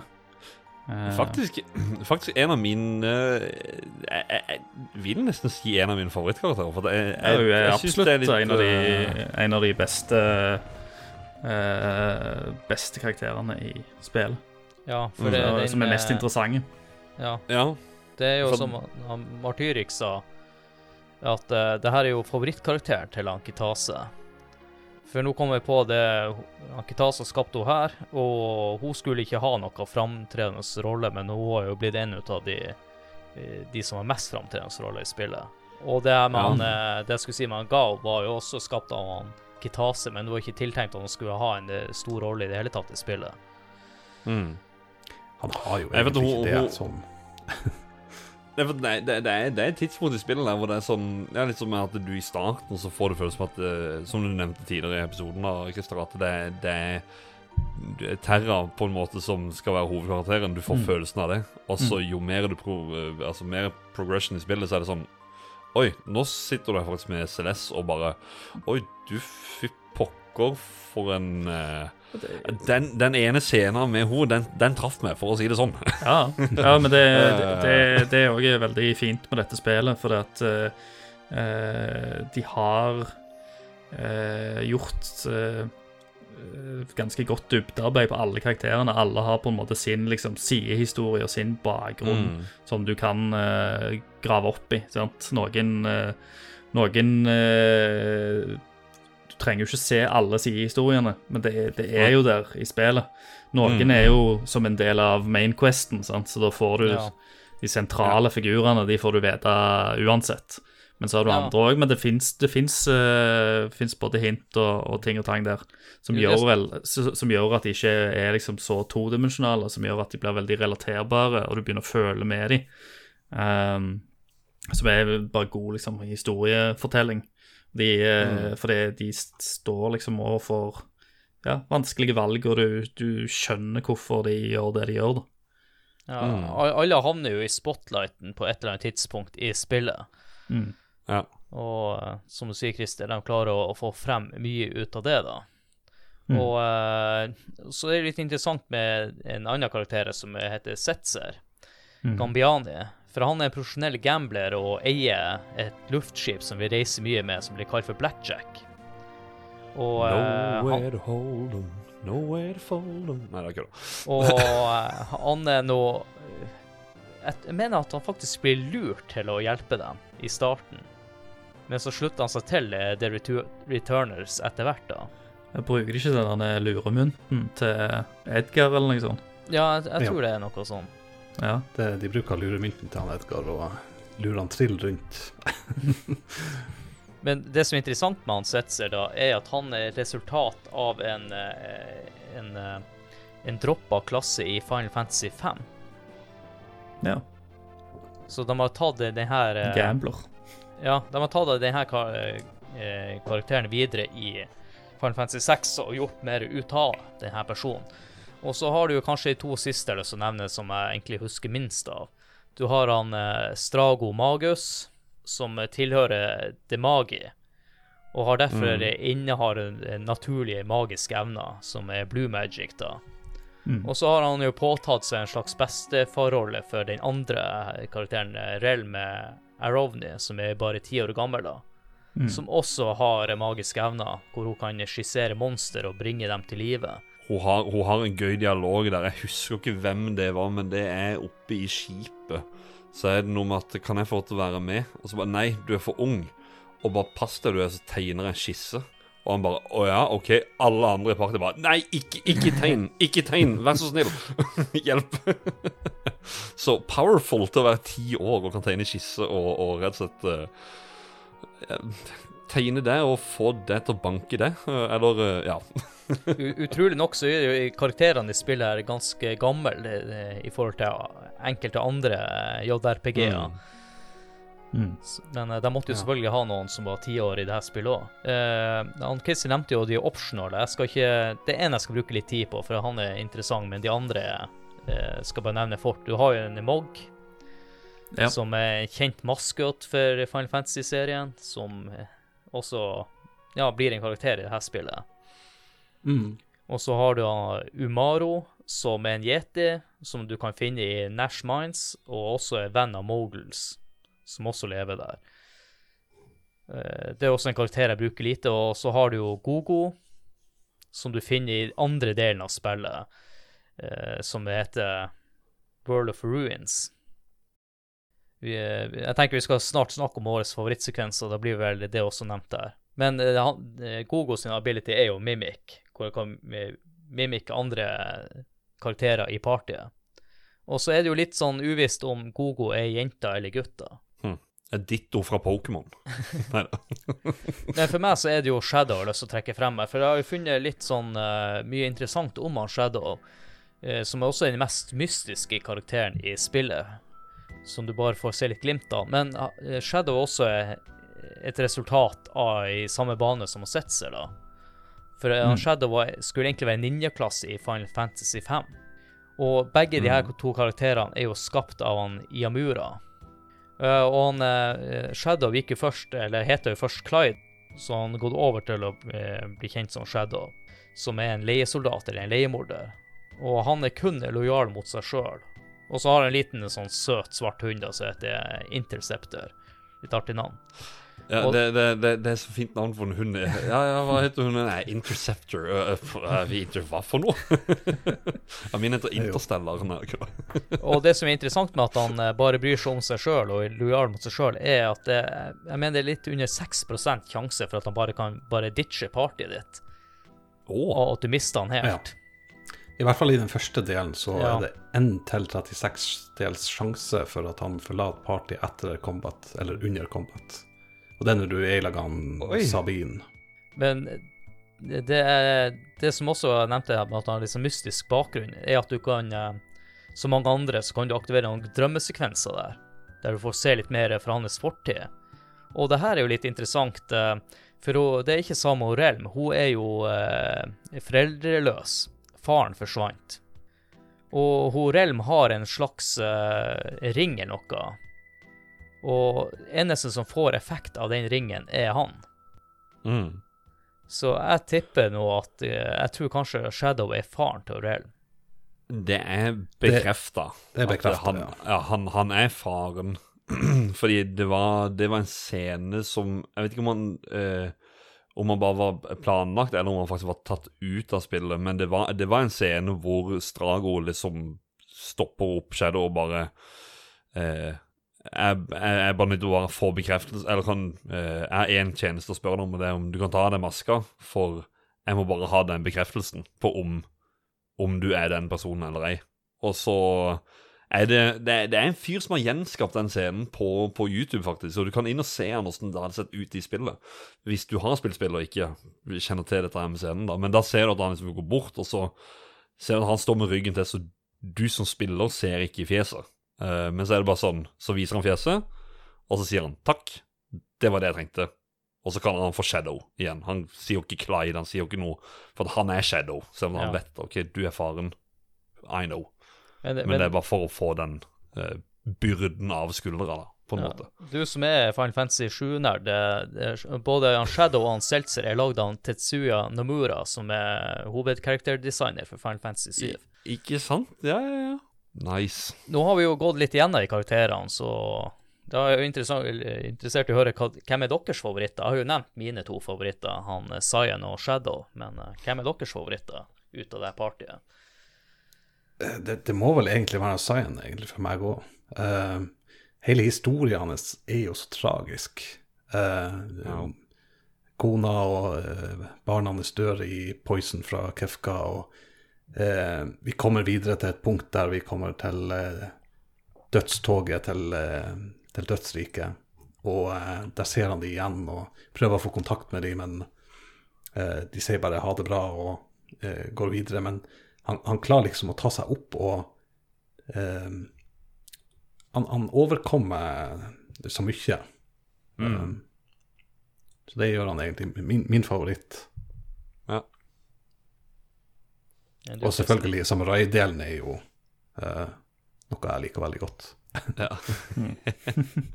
Og du, Christer? Jeg eh, er veldig glad i Celles, som uh, sagt tidligere. Jeg syns hun er liksom uh, Det er jo mange kompliserte karakterer her, men jeg liker veldig godt henne òg.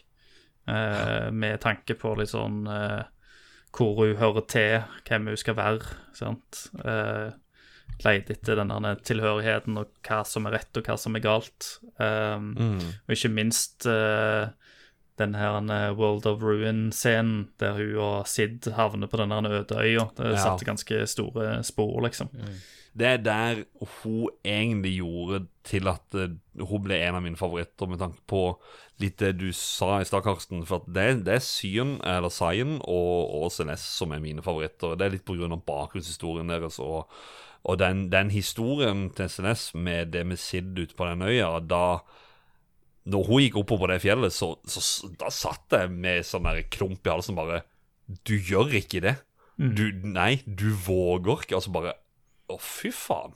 She did. Mm. altså, det, det, er liksom den derre eh, Alt det som skjer, da. Det, og at, at, de klarer å fremme det i pixelart i tillegg. Altså 16-bit. Eh, det er jo, det er jo ganske alvorlige temaer de tar opp. sant? Det er mye mm. liksom, død og uh, elendighet. Og du, det har en, en viss sjokkfaktor, da, dette spillet. Mm. Som, mm. som, både likte og overraska meg, for jeg hadde gjerne ikke trodd at de skulle gå så langt som de gjorde. Ja. Um, men jeg setter jo pris på det. sant?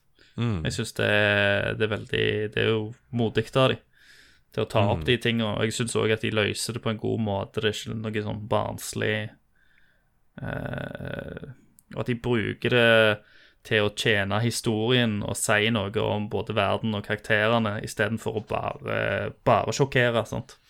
Mm. Det, det, er vel mm. ingen her som har helt eh, bra bakgrunner. Alle har jo en tragisk bakgrunn, men noen har mista foreldrene sine, og noen eh, eh stiller spørsmålstegn med seg sjøl, og noen eh, sliter med anger. Det er jo, ja. det er jo bare plager av sjela når, når, når ja.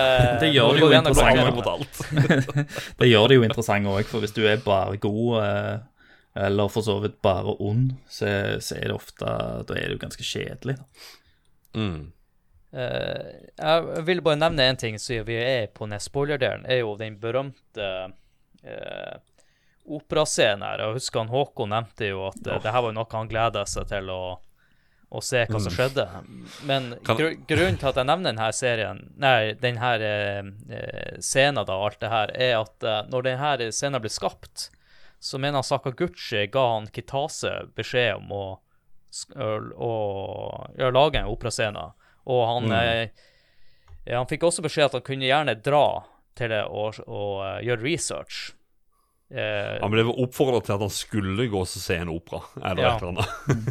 Men han valgte å ikke gjøre det, og han Nei. tok vel utgangspunkt i uh, Royal Albert Hall i London. Og ja. han har jo sagt mm. i ettertid at det eneste han angrer på, at han ikke tok den eh, research-turen, eh, da. Mm. Ja. Nei, men, eh, men uh, Ja, den scenen der, hva skal en si? Uh, altså Ja, jeg, jeg, jeg var veldig spent, for det, det er en sang jeg har hørt uh, mange ganger. Det var jo en sånn her eh, Video Game Symphony Orchestra score. eh, A Video Game Symphony Orchestra, eh, som var her i Kristiansand. Hadde vært litt rundt forbi Norge til de som hører og husker den, da. Da hadde de et bonustrack, og da var det operascenen ifra eh, ifra Final Fantasy 6. Eh, Sabina Svajakor som hadde eh, vokalen der. Og jeg satt jo helt sånn derre Hæ? Jeg frøys. eh, Jeg satt liksom lent tilbake i stolen bare hva, hva er dette her for noe? Da hørte jeg liksom sangen, og jeg har aldri skjønt greia med sangen, så jeg var veldig spent når jeg kom frem til, til den scenen. Da skal det sies at eh, Adrian inne på Discord eh, Vi sitter seks stykk eh, Nei, nei eh, syv stykk inne på Discord-kanalen. Jeg streamer at jeg spiller dette her. Så var det tidligere gjest fra Nachspiel-episodene, Remi, som begynner å snakke. Adrian, Remi, hysj, nå skal vi følge med her. Nå, nå Helt stille, alle sammen følg nøye med på denne scenen som begynner nå, da. Det er jo når Celeste synger opera.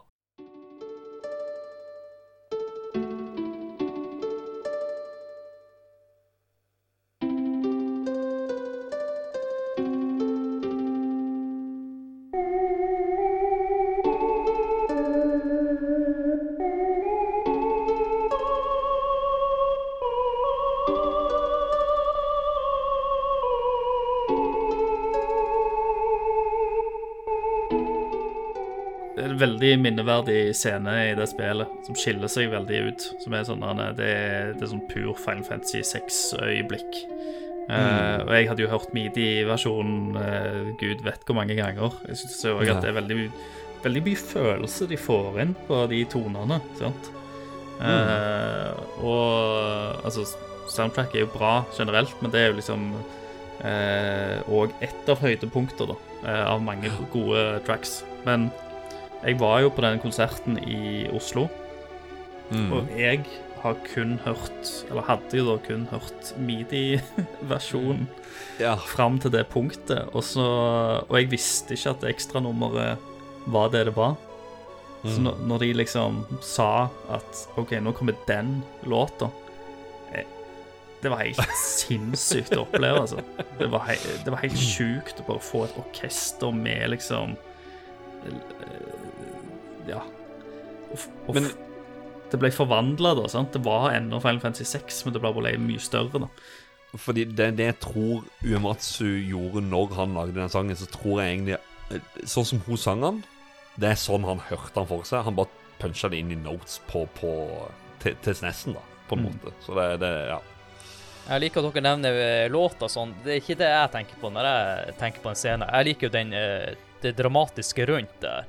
Fordi at han eh, Men han Locky må jo rundt og fjerne fiender og litt sånne ting. Så Jo jeg liker den, han den eh, dramatikken som skjer rundt i kulissene og litt sånne ting. Og i tillegg så må du jo synge sangen. Du må jo velge litt tekster sånn for å synge rett og Ja. Ja, ja, for at det, det er vel det at hvis ikke du Jeg tror du har tre sjanser på det, og hvis du ikke klarer det, så blir du kasta ut av operaen. og så må du begynne på nytt. Ja, det, det er noe sånt. du, du, må, du, må, du må lese manuset i boka. Og apropos det å trykke litt for fort i sånn tekstbaserte spill, sånn som dette, eh, det gjorde jeg når jeg spilte Pixel Remasteren. Så jeg hadde, jeg hadde veldig flaks på det inntrykket. ja. Og tre ganger så er det game over. er er det det som er, ja? Ja, Ja. riktig.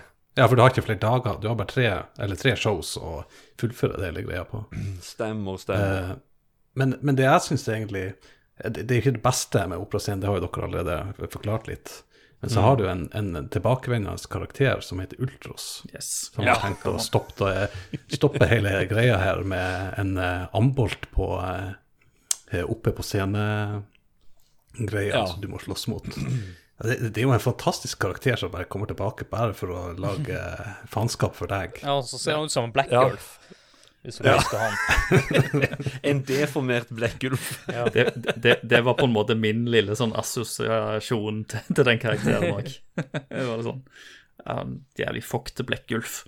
Ja. Nei, men det men, Ja. ja. Men han er, jo en, han er jo en morsom karakter, sant. Det er jo oftere ofte humor sant? involvert når han kommer eh, kommer med, og det er, jo, det er jo egentlig bra, for det er ganske mye dystert i dette spillet. Så det er godt at de har liksom sprinkla litt humor inni, inni det òg. Mm. Uh, det blir liksom en veldig fin kontrast. Ja. Uh, jeg, jeg føler vi kanskje bør uh, nevne det nå. Vi, vi bør jo kanskje snakke litt om kanskje den, den karakteren som gjør mest inntrykk i hele spillet. Eh, det er jo han slemme, han Kefka. Mm. Den galne klovnen. Ja, Ablegøyeren, hoffnarr, klovn. Ja. og mange mener kanskje er den beste skurken i, noen, eller, i Final Fantasy-historien noensinne. Ja, men det, det sjuke er liksom for meg bare på, på det, sånn designmessig um, Det er at han funker for meg i sprite-form. Mm. Men hver gang jeg har sett liksom Kefka i liksom Dissidia og det der. Dissidia og sånt, så er det bare sånn ah, Jeg føler det ikke. Altså, det, Nei, jeg, ja. jeg, klar, jeg, jeg sliter veldig med eh, Med en gang han, han får en stemme, og, og at han Mm. ser mer realistisk ut. sant? Ja. Eh, Men jeg, sett- jeg syns han er dritbra i, i sprite-form i, i det spillet, men, eh, men ikke ellers. Så jeg, jeg, jeg, jeg tror jeg hadde slitt med en remake av Final Fantasy 6 med Kefka-karakteren. Ja. ja, faktisk. Det er jeg ganske enig. Eh, For, for de som har bare blitt med i episoden og ikke, ikke liksom uh, kjenner til spillet Altså, si at han er her er Final Fantasy Joker, for å si det sånn, da. Han, han, er, han, er, han er bare gal. Ja, han, Ja, er- han er vel en sånn uh, Empire supersoldat som de har eksperimentert med, og så har han gått galen. Er det ikke noe sånn? Mm. ja. Ja.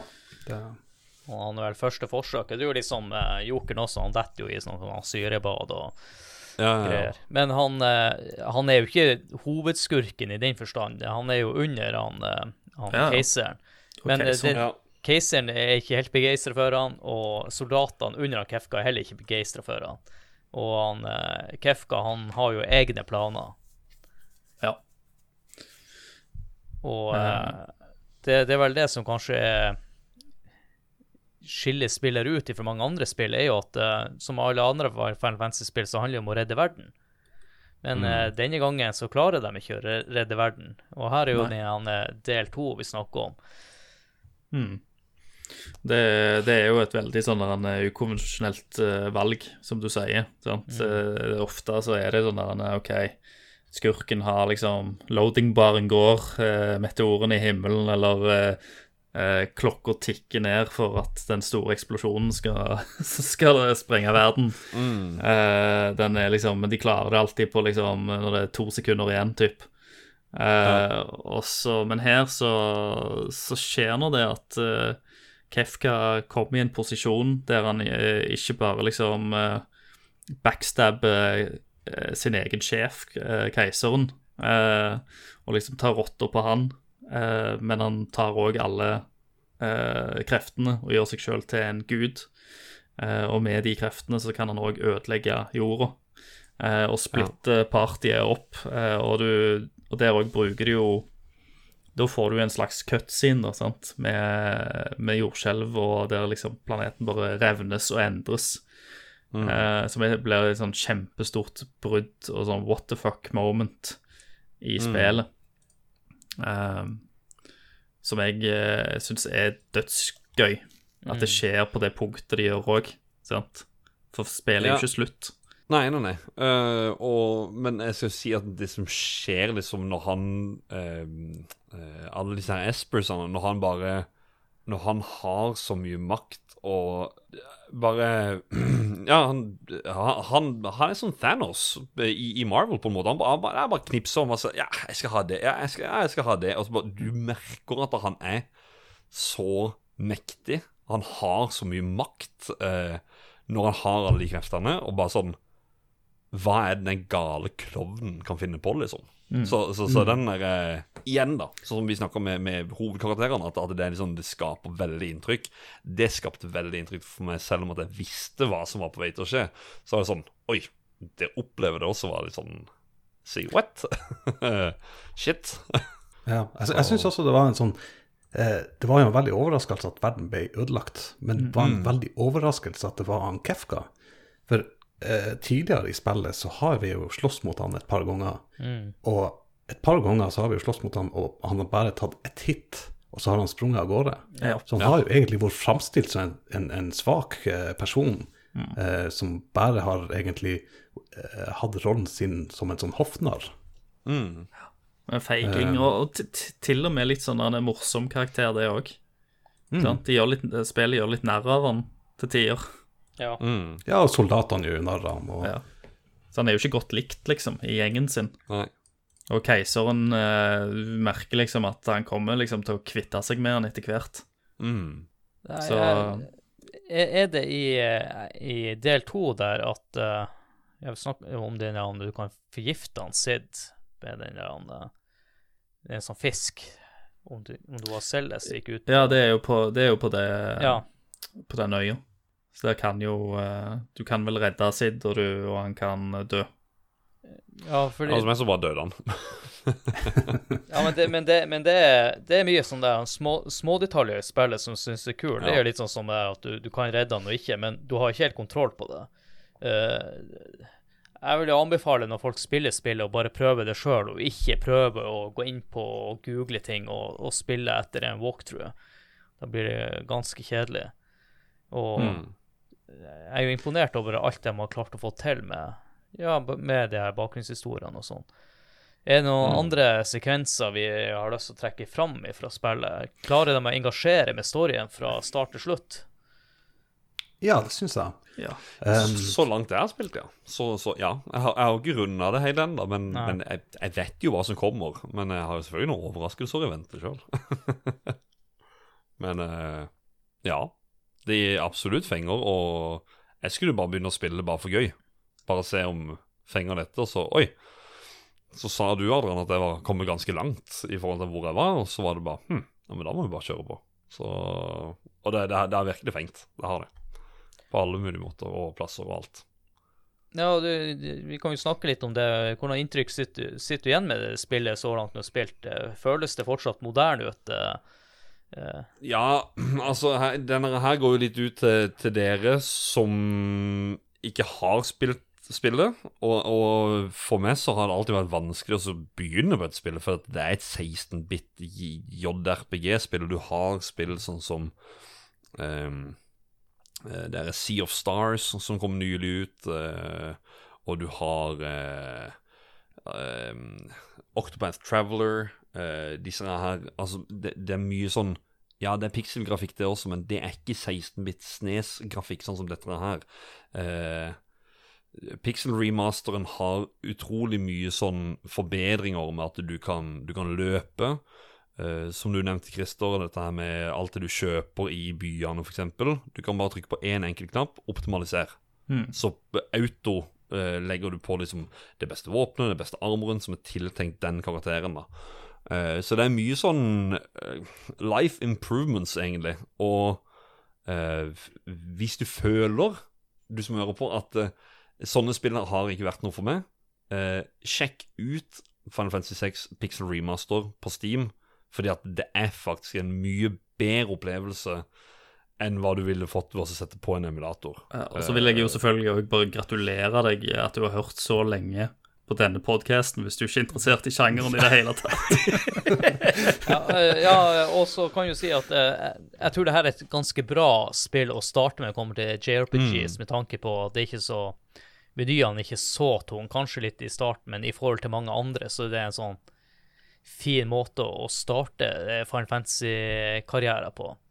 Eh, og så Vi nevnte jo Vi har snakka litt om story, men eh, vi må jo også Jeg må trekke oss tilbake til de oversettelsene. her, For det er jo han eh, Ted Woosley lagde jo den første og tok seg noen friheter. og eh, Jeg husker ikke om du, Karsten, om du hadde Hadde du noen eksempler på ting som var forskjellige fra den japanske til den Ja, Amerikanske. det var nå f.eks. hun, hun, hun Tina som, eh, som er til Terra. Men, men det er jo eh, veldig mange småting som, som ble forandra. Uh, F.eks. han Beavis og Butthead er, er inni der på Kefka-latteren. Um, Ja, i, tek i tekstform, da. I, i tekstform, ikke da, den, eh, selvfølgelig. Uh, Nei, nei den, den Kefka-latteren, den, den, er- den er original. Uh, men så er det liksom småting som bare eh, gjør at historien blir litt annerledes. Um, ikke, ikke på noen sånn kjempedårlig måte, men, men hvis du virkelig sitter og leser uh, oversettelsen på Snes nå, På Pixel Remasteren så har de brukt eh, Final Fantasy eh, 6 Advance, Ja. eh, som er på Gameboy. Og det var en annen dude som Um, gjorde det, det fra scratch igjen. Ja, han hadde mye bedre tid og mye mer tekst. Uh, Kan jeg spørre, er den bedre også, kanskje, eller? Uh, alt utenom musikken er bedre. Ja, for for Pixel Remasteren er- har faktisk en litt, litt annerledes Den har ikke 16-biten. Nei. Den er fin, uansett. men, men eh, Nei, knall. ja. uh, nei, og så er det jo ja, for, for meg så var det jo også litt den der eh, Når folk sa liksom Ja, du må gjøre suplex på, på toget. Suplex på toget? Å ja! Meteor Strike, mener de, ja. Som, som det heter i Pixel Remaster. Så det er til og med taxene, sånn som til um, Saben. Eh, ja. Det er så mange navn å holde styr på. um, ja, så, så til og med angrepene er jo også endra litt navn på og diverse. Så ja. Mm. Det, jeg tenker vi bør, jo kanskje starte med, med å rate spillet, men før den tid Jeg vil bare høre med dere. Er det her det beste Final Fantasy-spillet dere har spilt? Jeg vet jo. Håk Håkon sitt svar, men eh, dere to andre Eller Christer har jo vel også svart på det. Jeg har, jeg har vel vært inne på at Ja. eh, periodisk så er det det. Og Ja. Karsten, du uh, mitt fa favoritt-Final Fantasy-spill blir egentlig um, det, det, blir, det blir valgt på en litt uh, Det er ikke kontroversielt, det er noe, men den siste jeg har spilt av Final Fantasy 9 og Final Fantasy 6, er mitt favoritt-Final Fantasy. ja. Jeg kan, jeg, kan, jeg kan legge til en her, da. Det er det beste 16-bit Final Fantasy-spillet jeg har spilt. Hey. Ja, ja det, det kan jo være enige med alle sammen. Og så Enig. eh, Ja. med det så tror jeg bare skal sette strek over hovedspalten og gå over til å rate Final Fantasy 6. Oh yeah.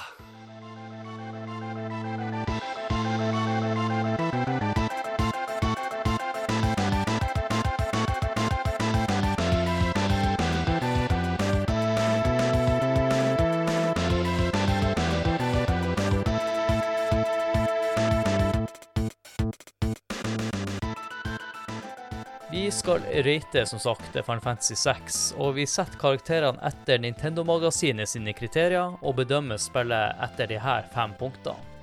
Grafikk, lyd, spillkontroll, underholdning og holdbarhet, og skalaen er fra 1 til 10. Og denne gangen, Håkon, skal jeg gå først Oi. Eh, grafikken for meg er jo utrolig svak for eh, eh, pikselgrafikk. Eh, og så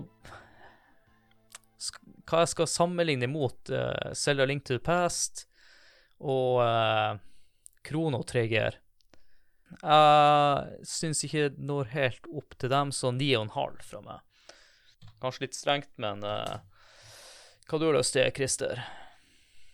Nei, eh, jeg er òg veldig svak for liksom 16-bit SNES og, og ordentlig 16-bit SNES. Det er veldig mye sånne pixel-spill, så indie-spill som kommer, men det, det blir liksom nesten for detaljert eh, til tider. Så jeg liksom ja, Det ser ut som det, men det ser òg ut som en moderne versjon av Eller jeg, jeg tror ikke at det kunne ha vært på SNES-en, liksom. Uh, så jeg uh, for, for, det, for det det er, så er det en ti av ti, altså. Ja, det, det er ikke en gal karakter. Jeg var bare litt streng. jeg. Martyrik, eller Karsten som du heter på ekte. Nei da, jeg er helt enig med Christer her oppe, og eh, det er en ti av ti, om jeg får si det. Det var ja, kort. Eh, Håkon.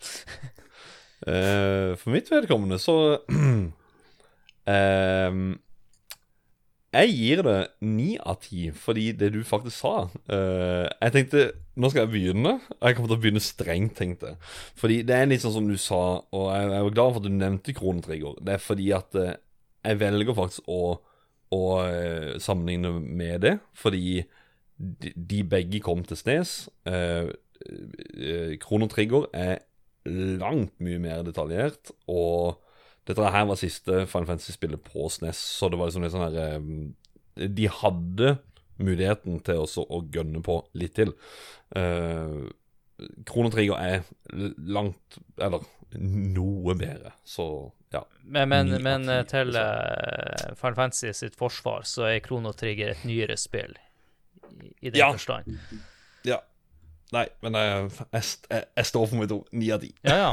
Det, det, var, det var lang avhandling for å stå med samme karakter, Ja. men det er greit. Ja. Eh, Neste ut Yes. er lyd. Eh, Jeg har sagt i flere episoder at jeg har musikk fra spill som vekkerklokke.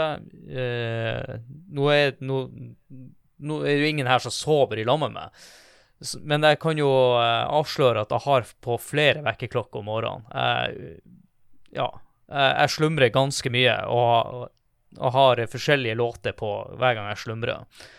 Eh, noen av de låtene er jo fra spillet her. Eh, for meg som eh, eh, Når det kommer til Final Fantasy-musikk og sånn, så synes jeg personlig at Final Fantasy 6 har det beste soundtracket i Final Fantasy-serien. Så for eh, meg er det en tier lett. Enn du, Christer? Eh, ja, det spørs hvor streng jeg skal være, egentlig. sant? For at det, egentlig så, så vil jeg si at det er en eh, ti av ti, men det kan godt være at jeg jekker meg litt uh, ned til en ni og en halv. Eh, bare fordi at uh, ja, det har fantastisk musikk, men det er ikke det soundtracket i serien som er best for meg. Eh, der, der akkurat på det punktet regjerer nok syveren allikevel. I like it. så så jeg, jeg trekker den et, eh, et halvt poeng, Ja. basert på det. Enn du, Karsten? Nei, nei, det blir en ti av ti fra meg. Ja, der har vi ordentlige folk. ja da, nei, altså drittspillet. Jeg, jeg, jeg liker det veldig godt, og det er så variert. Det, det er så variert, Men samtidig så, har- så har jeg jo også det som vekkerklokke, sånn som du, Adrian. Men eh, jeg har spilt Final Fantasy framfor eh, min frue mange ganger. Og Final Fantasy 6 er det eneste spillet jeg har hørt henne sagt Fy faen, den sangen der var jævlig bra. Og da snakka vi om The Welt. Ja. Ja. Um, så det må være en automatisk ti av ti når jeg, får fruen som ikke er interessert i spillmusikk i det hele tatt, til å elske soundtracket. Og, og for dere som hører på episoden ennå, og uh, det her med Final Fantasy 7 g- Greia har- er jo litt at eh, han kollegaen min her, han Håkon, han er jo veldig glad i spillet og snakker om Final Fantasy eh, I hvert fall, eh, Jeg hører i hvert fall han snakke om det hver uke, så, så jeg har det litt sånn i vranghalsen. Spillet i seg sjøl er jo bra, men etter han Håkon snakker så mye om det, så har det hatt motsatt effekt på meg. Håkon, hva du vil gi i det her spillet?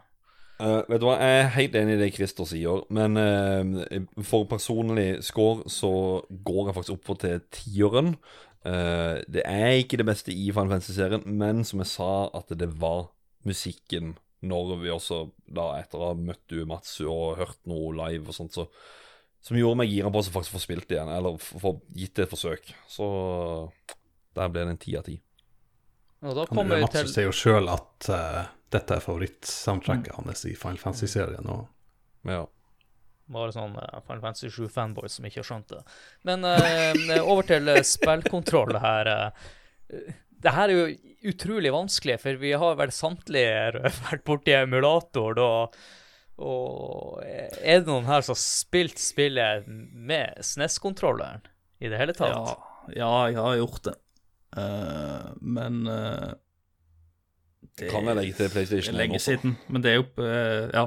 Det er jo, har jo desidert spilt det mest på PlayStation, eller PlayStation-versjoner, eller Mm. Men det, det er jo vanskelig å sette karakter på spillkontroll når det kommer til spill som Final Fantasy. Det eneste jeg tenker spillkontrollen har litt å si på, det er jo det med han Sabin, for han har jo noen sånne eh, kombinasjoner å trykke inn, blant annet Hadoken.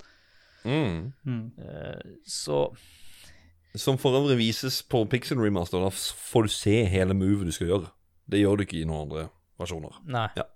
Og, ja, eller det kanskje var i manualen, for det, den saks skyld. At ja. i, års, I gamle dager måtte du finne fram manualen, og så trykke det deretter. Eh, Ja, jeg jeg- husker jeg, jeg skjønte ikke en drit. Nei. Jeg trykte, og så bare gikk han fram, og så går han tilbake igjen. Ja. Eh, Det er jo en grunn til at jeg ikke bruker den eh, karakteren så mye, men jeg har jo skjønt at han er jo kanskje en av de aller beste karakterene i spillet. Men det er jo ikke det Sabin skulle snakke om, det er jo spillkontroll. Jeg er veldig bias nå, for jeg vil jo at det spillet her skal gjøre det bra. Så uh, spillkontroller Jeg skal ikke gi det ti. Vi gir det nier. Ja. Eh, Christer? Det gjør jo ikke noe Det gjør ikke noe feil, men det, jeg tenker liksom ikke Det er ikke, ikke spillkontrollen som, eh, som vinner, vinner meg over heller, så jeg, jeg legger vel Jeg legger meg på nier, jeg òg. Eh, Karsten?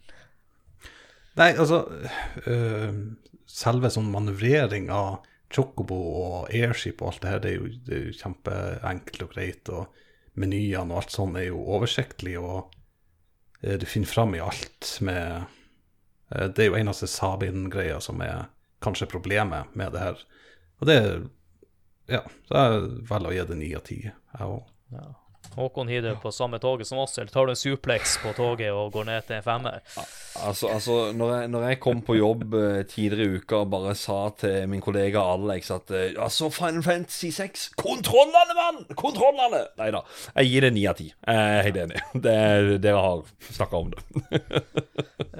Underholdning eh, For min del så har den engasjerende story hele tida. Og eh, jeg syns det er befriende også at du får de oppstykkingene i, i party og hvem du har med deg, og får litt historie frem og tilbake, så får en eh, fin variasjon. Så for meg så er det en tier. Christer? Ja, interessante karakterer, interessant verden. Uh, en en nokså liksom unik historiefortelling og, og uh, brave choice med å liksom dele opp uh, hovedkarakterene, som, uh, som man sier, og masse dramatiske vendinger. Men allikevel uh, sprinkel med liksom humor eh, inni der. Eh, gjør at liksom underholdningsverdien blir en ti av ti, altså. Du, Karsten? Nei, altså du har jo eh, så så utrolig mye mobs og eh, karakterer. Du, du, du kan jo liksom gjøre alt i spillet, og du kan forlate uan, eller ikke uansett, du kan forlate fem personer i, i spillet og kan ha det veldig mye artig og eh, kan spille gjennom det flere ganger og oppleve det på helt andre måter òg.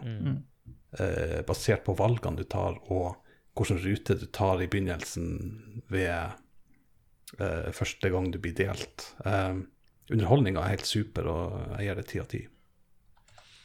Håkon, eh, så langt, har du vært underholdt hele veien? Ja, altså Vi har jo snakka nå i to timer eh, om dette spillet, og jeg vet at vi kunne sittet her i eh, Legge på en ekstra null på baksida der og sagt 20 timer til å prate om dette spillet her, for det har så mye å ta til Ja. seg. Det er utrolig mye story som fenger, det er humor, det er triste greier, det er eh, sjokkerende greier. Altså, underholdninga er ti av ti, om ikke elleve av ti. altså, ja, ti av ti. Og da er jeg på siste holdbarhet. eh, Nei, ti av ti. Ja, ja, jeg, jeg skal gi det ti av ti, fordi at eh, Ja. jeg syns det, det funker den dag i dag òg. Men i utgangspunktet eh, holdbarhet, så tror jeg var egentlig replay value de i, i gamle dager Nintendo-magasinet var ute etter. Det har både replay, replay value og det har holdt seg veldig godt. Og takket være også indie game-verden og alt det. Men ti av ti kunne kommet ut i dag på uh, Xbox GamePass. Uh, Christer? Ja, det blir vel en uh, Blir vel fort en ti av ti her òg. det er jo eh, Ja, som du var inne på, var, mange grunner til å spille spillet om igjen. eh, for, eh, å oppleve helt nye ting. Se og finne ting som du ikke fant første gang. Eh, nye karakterer, ny dialog, nye små hendelser som skjer, og utfall. Um, og uh, nå er det jo liksom veldig tilgjengelig òg, i dag. Uh, du har Pixel Remaster-pakken, liksom. Uh, den er der. Enkelt å skaffe seg det. For de som ikke gidder å kjøpe en SNES og kjøpe, kjøpe det der. Men det, det har nok sin sjarm, det òg. Absolutt. Er det på SNES Mini, det der? Eh, Ja. Er det på SNES Det Mini òg? Ja. Mm. Så da kan du spille spille på ja. hytta. Ja, ikke sant? Det er òg enkelt å, få- å få tak i. Og da, Karsten, jeg bare skriver inn tieren med en gang her, og så Ja, du skal bare skrive inn den tieren der med en gang. Det, det holder seg så bare det. Selvfølgelig er det jo eh, visse ting som Pixel Remasteren gjør som gjør det enda bedre, men eh, det vil jo bare bli en elver av, Ja. av ti. Så Og Håkon, du som eh, spiller med litt nye øyne. Mm. Jeg tør våge å si at hadde det ikke vært for dette spillet, så hadde ikke eh, Square Enix valgt å lage Pixel Remaster. Eh, jeg tror folk har gaula så mye om, liksom, om, å, om å gjengi det på nytt eller noe, og sånt, og så begynte de med eh, nummer én, to, tre, og så kom fire, så kom fem. Og så kom nummer seks til slutt. Altså De sparte som det beste til slutt, og, og det har absolutt holdt seg. Og replay value er der, fordi det er jo flere scenarioer. Du kan trykke feil eh, første gang du spiller gjennom det. Ja, så kan du prøve igjen andre ganger du spiller gjennom det. Så ja, ti av ti. Ti av ti. Eh, før vi går til lyttespalten, så var det bare en liten ting. Uh, mulig å hive oss ut på glattisen her. Eh, I USA, det her heter Final Fantasy 3. Hva er de to, to første Final Fantasyene som kom til USA? Uh, Final Fantasy 3 og 4. På Og- sne...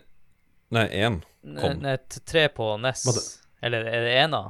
Det første? Tre, tre, på, tre på Famicom kom aldri, aldri ut i, utenom Japan. Og så Men da var det 1 og 4? Én og fire, For det er ikke fem. 5. Ja. Jeg, Ja. jeg mener én kom. Ja, eh, eneren kom. Det, det har jeg hylla her. Og så da Eneren er eneren i begge landene, og så er Final Fantasy 4, Final Fantasy 2 og Final Fantasy 3, eh, Final Fantasy 6. Stemmer. Og så er det jo sånn som vi fikk det her, så fikk vi Final Fantasy 6, imens de fikk Final Fantasy Anthology, som vi også fikk, men Anthology som de fikk, den hadde sekseren. Vi fikk med fire og fem på Anthology, for de hadde allerede fått det på SNES. Så det er jo en kronologisk rekkefølge ut av en annen jungel for, for de tallene. Men eh, Viki is your friend, Ja. hvis dere vil inn og søke på det. Og mens lytt, dere lyttere er helt forvirra nå hva vi snakker om, så tenker jeg at eh, da går vi bare rett og slett over til lytterspalten. Fire er nummer syv, og tre er delt på to, og så blir det 15.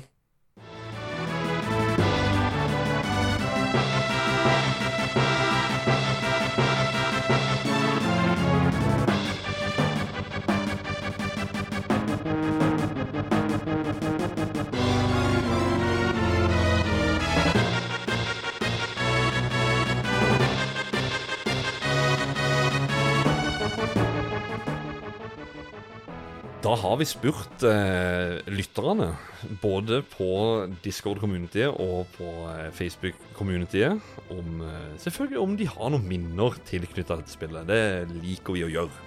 Og vi har fått eh, mangt med svar, og vi gjør en twist nå. Vi leser annethvert ifra Discorden og så Facebooken.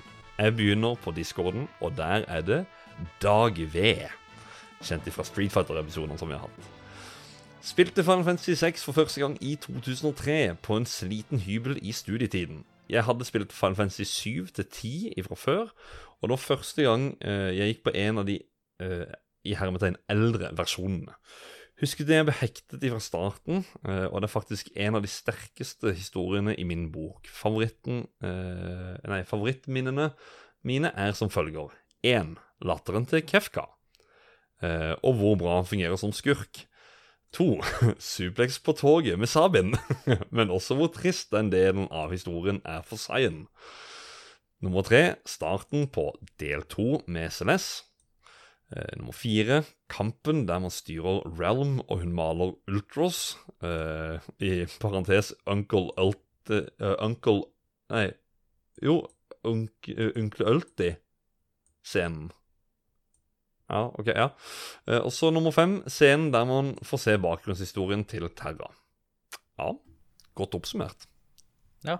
Det, han oppsummerer jo noe vi ikke nevnte, med at hun, Terra er jo halvt eh, esper og halvt eh, menneske.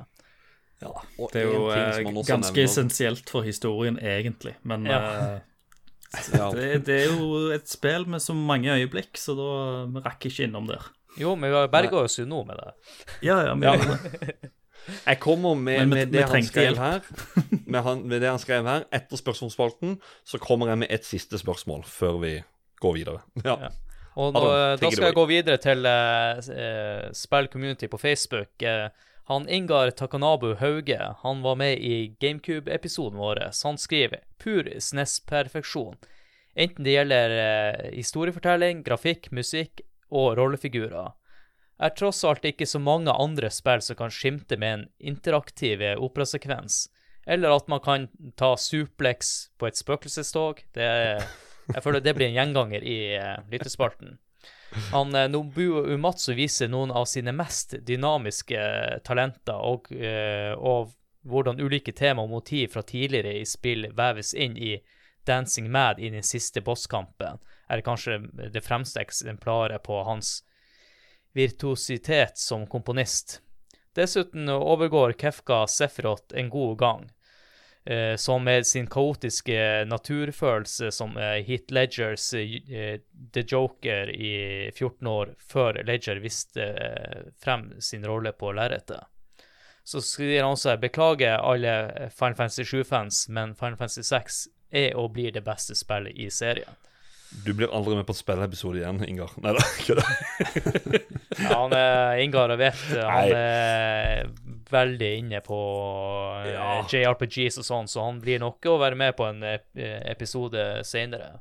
Absolutt, og jeg er jo enig i mye av det han sier. Det er jo, det er jo fullt forståelig. Altså, ja. Ja, han er en uh, superskurk. Uh, Men jeg, eh, som sagt tidligere i episoden, jeg sliter med å se for meg det gjort om igjen i dag. Eller at hadde de, han, Du måtte ha jobba veldig mye med Kefka for å få han til å funke. Eh, Med liksom voice actor og i en mer realistisk eh, ja, framstilling. hello there, Tara. It's been a long time ago in seeing you, yes? jeg er, vel, jeg er veldig redd for at de hadde tatt Ja, gått der. I'm, I'm gonna destroy the world with all this, these espers, woohoo! Ja, og jeg kaster litt grisen. brannfakkel, så ikke gjør sånn som gjort i de her Zelda-spillene med voice acting, for der har han henta inn uh, ja, dårlige folk. Ja, Håkon Nei, neste. en vel, vel, nydelig oppsummert, eh, oppsummert Ingar. Uh, men da er det Tristan Ersdal. Denne var det gøy. Uh, spilte dette på emulator på slutten av 90-tallet. Mitt første møte med Final Fantasy-serien var Final Fantasy Mystic Quest på SNES, som jeg leide på, den lokale, uh, på det lokale videoteket.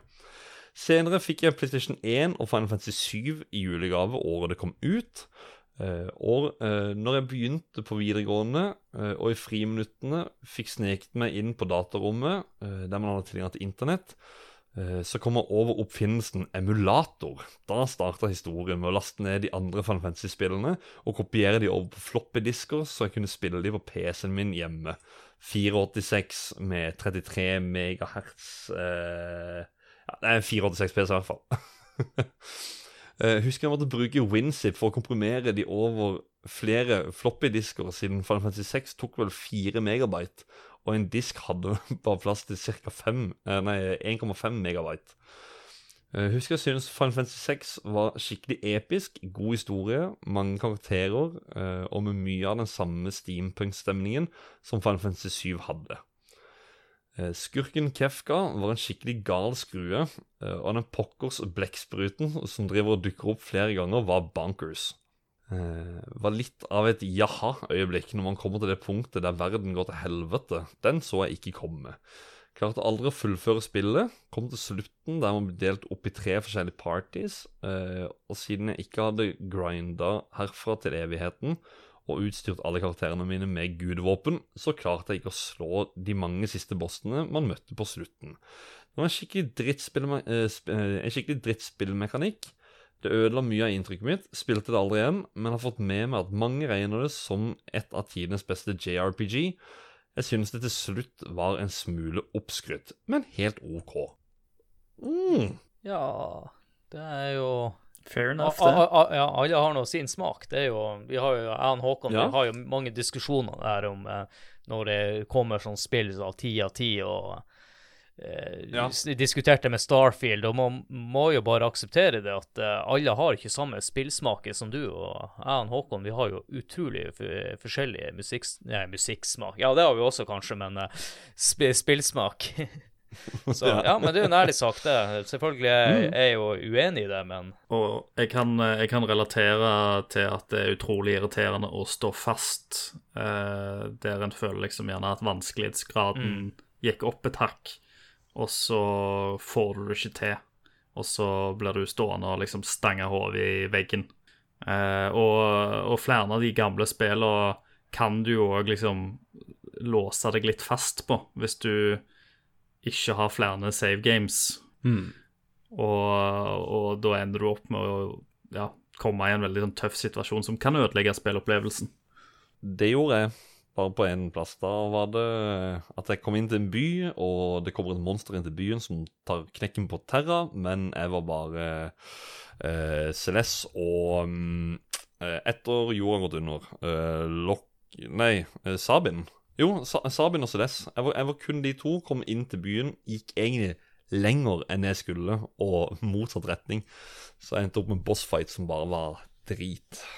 Så jeg skjønner hva han mener. Ja, og d- mange spiller Final Fantasy-spillet Jeg visste jo ikke hva eh, grinding var i spill før. Jeg skjønner ikke hvordan jeg klarte Secret of Mana var liten og ikke visste hva grinding var, for du må grinde litt der òg. Og eh, hvis du står fast, så må du kanskje ta den eh, kjipe turen og grinde litt. Men da har du jo podkaster som spill, så du kan høre på spillepisoder mens du grinder fiender og bygger opp eh, experience-poenget. Så, Good selling eh, point. ja, så eh, her har du muligheten til å prøve på nytt. Står det fast, ut i skauen, drep noen ulver og Tyrannosaurus rexa her, som tror du får mye XP fra, og så fortsetter du videre. Eh, Nestemann ut her er jo han Trond Sinfor Borgersen, som har figurert på mange episoder hos oss. Han hadde lest om Final Fantasy 3 til SNES og sett i hyllene på Spiderman i Oslo. Men mitt første møte med spillet var når, først, eh, når det først kom ut på PC-en. Han har kun spilt noen timer ut, eh, og har eh, ikke fått inn historien som han vet skal være veldig bra. Men det her er et av spillene som står på lista over spillene han gjerne vil fullføre. Og eh, det bør du gjøre, du som er Final Fantasy 7-fan. Mm. Det er greit med litt uh, input uh, fra andre spill i spillserien også. Og da er det Snape. Han skriver har til gode å spille helt igjennom. Møtte veggen et par ganger uh, der jeg ikke hadde i hermetegn grinda nok. Fantastisk historie, og heftig mye forskjellige karakterer en kan styre. Suplex på tog er jo selvfølgelig en hit. ja, men ikke sant, der, der nevnes jo dette her med grind igjen, da. Og som jeg egentlig ville si i stad, at eh, jo, jeg gikk inn og så på en walkthrough fordi jeg sto litt fast, for da hadde jeg ikke spilt på et par dager. Og da var sånn Shit, hva skal jeg nå, egentlig? Eh, For å se hvor jeg skulle gå videre da, da gikk walkthrough-videoen og grinda typ sånn 15 kamper ute i world map. Jeg bare Å ja. Så det er en del grinding, ja. Ja da, det er jo det, men Det- det ja, det, det. finnes jo ting som du kan eh, motvirke det på hvis du har nok eh, GIL, eller GP, som Ja. eh, Thunder Rod og Ice Rod og Fire Rod er ganske sterke items som kan hjelpe deg hvis du står fast. ja. Eh, bare for et lite tips til folk som Og så, og så skyter jeg en, eh, et innlegg til her, for det blir litt prat mellom dere her også. Eh, det er Philip med F, som eh, også har vært med å prate om Final Fantasy 7, og anser seg som Norges største Final Fantasy 7-fan. Han skriver da at visste dere at latteren til Kefka også er med i Final Fantasy 7? Punti vet hvor. Det gjør jeg. Og i remaken. Ja, jeg vet ikke remaken, men jeg vet i hvert fall at jeg er inne i Ghost House in the Golden Saucer. Der er latteren med. Det er på den togyarden i remaken. Mm. Ja, eller Bare sjekk det ut. Og nå snakker vi Ja, om Final. Fantasy 7, Ja. så jeg Arena. Vi skal ikke snakke om Final Fantasy 7. Jeg Spill community. Eh, vi har jo to til her, Håkon. Eh, Otto Erling Gregersen han sier bare et av de første spillene han spilte på emulator, så sikkert mange av oss eh, mm. gjorde. Og sistemann ut her inne på spillkomiteen er han Anders By. Han har mange gode minner fra det her. Og det sterkeste er nok selvmordsforsøket til Celeste. Eh, hvis uh, Sid dør fra henne i starten i, av World of Ruin, som er del to, da. Etter å ha spilt den sekvensen husker jeg eh, vi skulle i middagsselskap. Jeg var helt eh, fjertet Jeg var helt fjertet hele mid ettermiddagen og måtte, ja, og måtte ut og gå for å samle hodet. Akkurat nå spiller jeg Pixel Perfect-versjonen av Final Fantasy 6 sammen med ungene. Musikken er mye bedre, og det er gjort eh, nok quality of life-forbedring til å holde dagens utålmodige unger interessert. Fortsatt eh, et flott spill, og ungene får øvd seg på engelsklesing med alle tekstboksene. Så det er jo utrolig morsomt at du får med ungene til å spille det. Men det var alt her inne på Spill Community, og sier tusen takk for alle innleggene vi får. Jeg jeg må tilføye det med Som jeg sa det, det, det var jo det med Celeste at eh, Som jeg sa når jeg spilte det, at eh, hun står liksom ved klippen der og skal hoppe, og bare du, du gjør ikke det. Og det er jo gøy å høre at det, det er flere som også har reagert at han var i familiemiddag måtte ut og lufte øyet. Ja. Da er vi inne på um, discorden igjen, og da er det Han er sørlending, så jeg sier navnet sitt på sørlandsk. Daskepeder. Aldri spilt et eneste Final Fantasy i mitt liv. Liker musikken jeg har hørt fra diverse gamingkonserter. Ja, det er det som er med, med Final Fantasy-spill generelt. Jeg har, jeg har hørt så å si alle soundtrack eh, Eller alle albumene, men eh, jeg er ikke i nærheten av å ha spilt halvparten. Ehm, og så ble det litt prat imellom her, og så har vi Terje til slutt, som skriver da spilte det først da det kom ut på PlayStation 1. Det er uten tvil et av de beste Final Fantasyene, uh, med et av de beste soundtrackene. Og så kommer Suplex et spøkelsestog. Hva mer trenger man? Jeg lurer på hvor mange ganger det har blitt nevnt i løpet av episoden. Ja, og jeg, skjønner, jeg, ja, og jeg, og jeg var jo sånn her dagvis kommenterte jo når jeg spilte igjen og bare, bare 'Husk suplex på spøkelsestoget'. Jeg bare 'Suplex på spøkelsestoget'? Hva? Nå, nå skjønner jeg ingenting. Og folk lika dette her og var helt enig med han. Og, så ja, Ja, det er artig. Men ja, det var det vi hadde på Discord. Tusen takk for uh, bidrag der. Eller uh, lytterbidragene som dere kommer med. Men jeg avslutter sånn spalten her helt med en ting som Dag fikk meg til å tenke på når han nevnte Final Fantasy 10.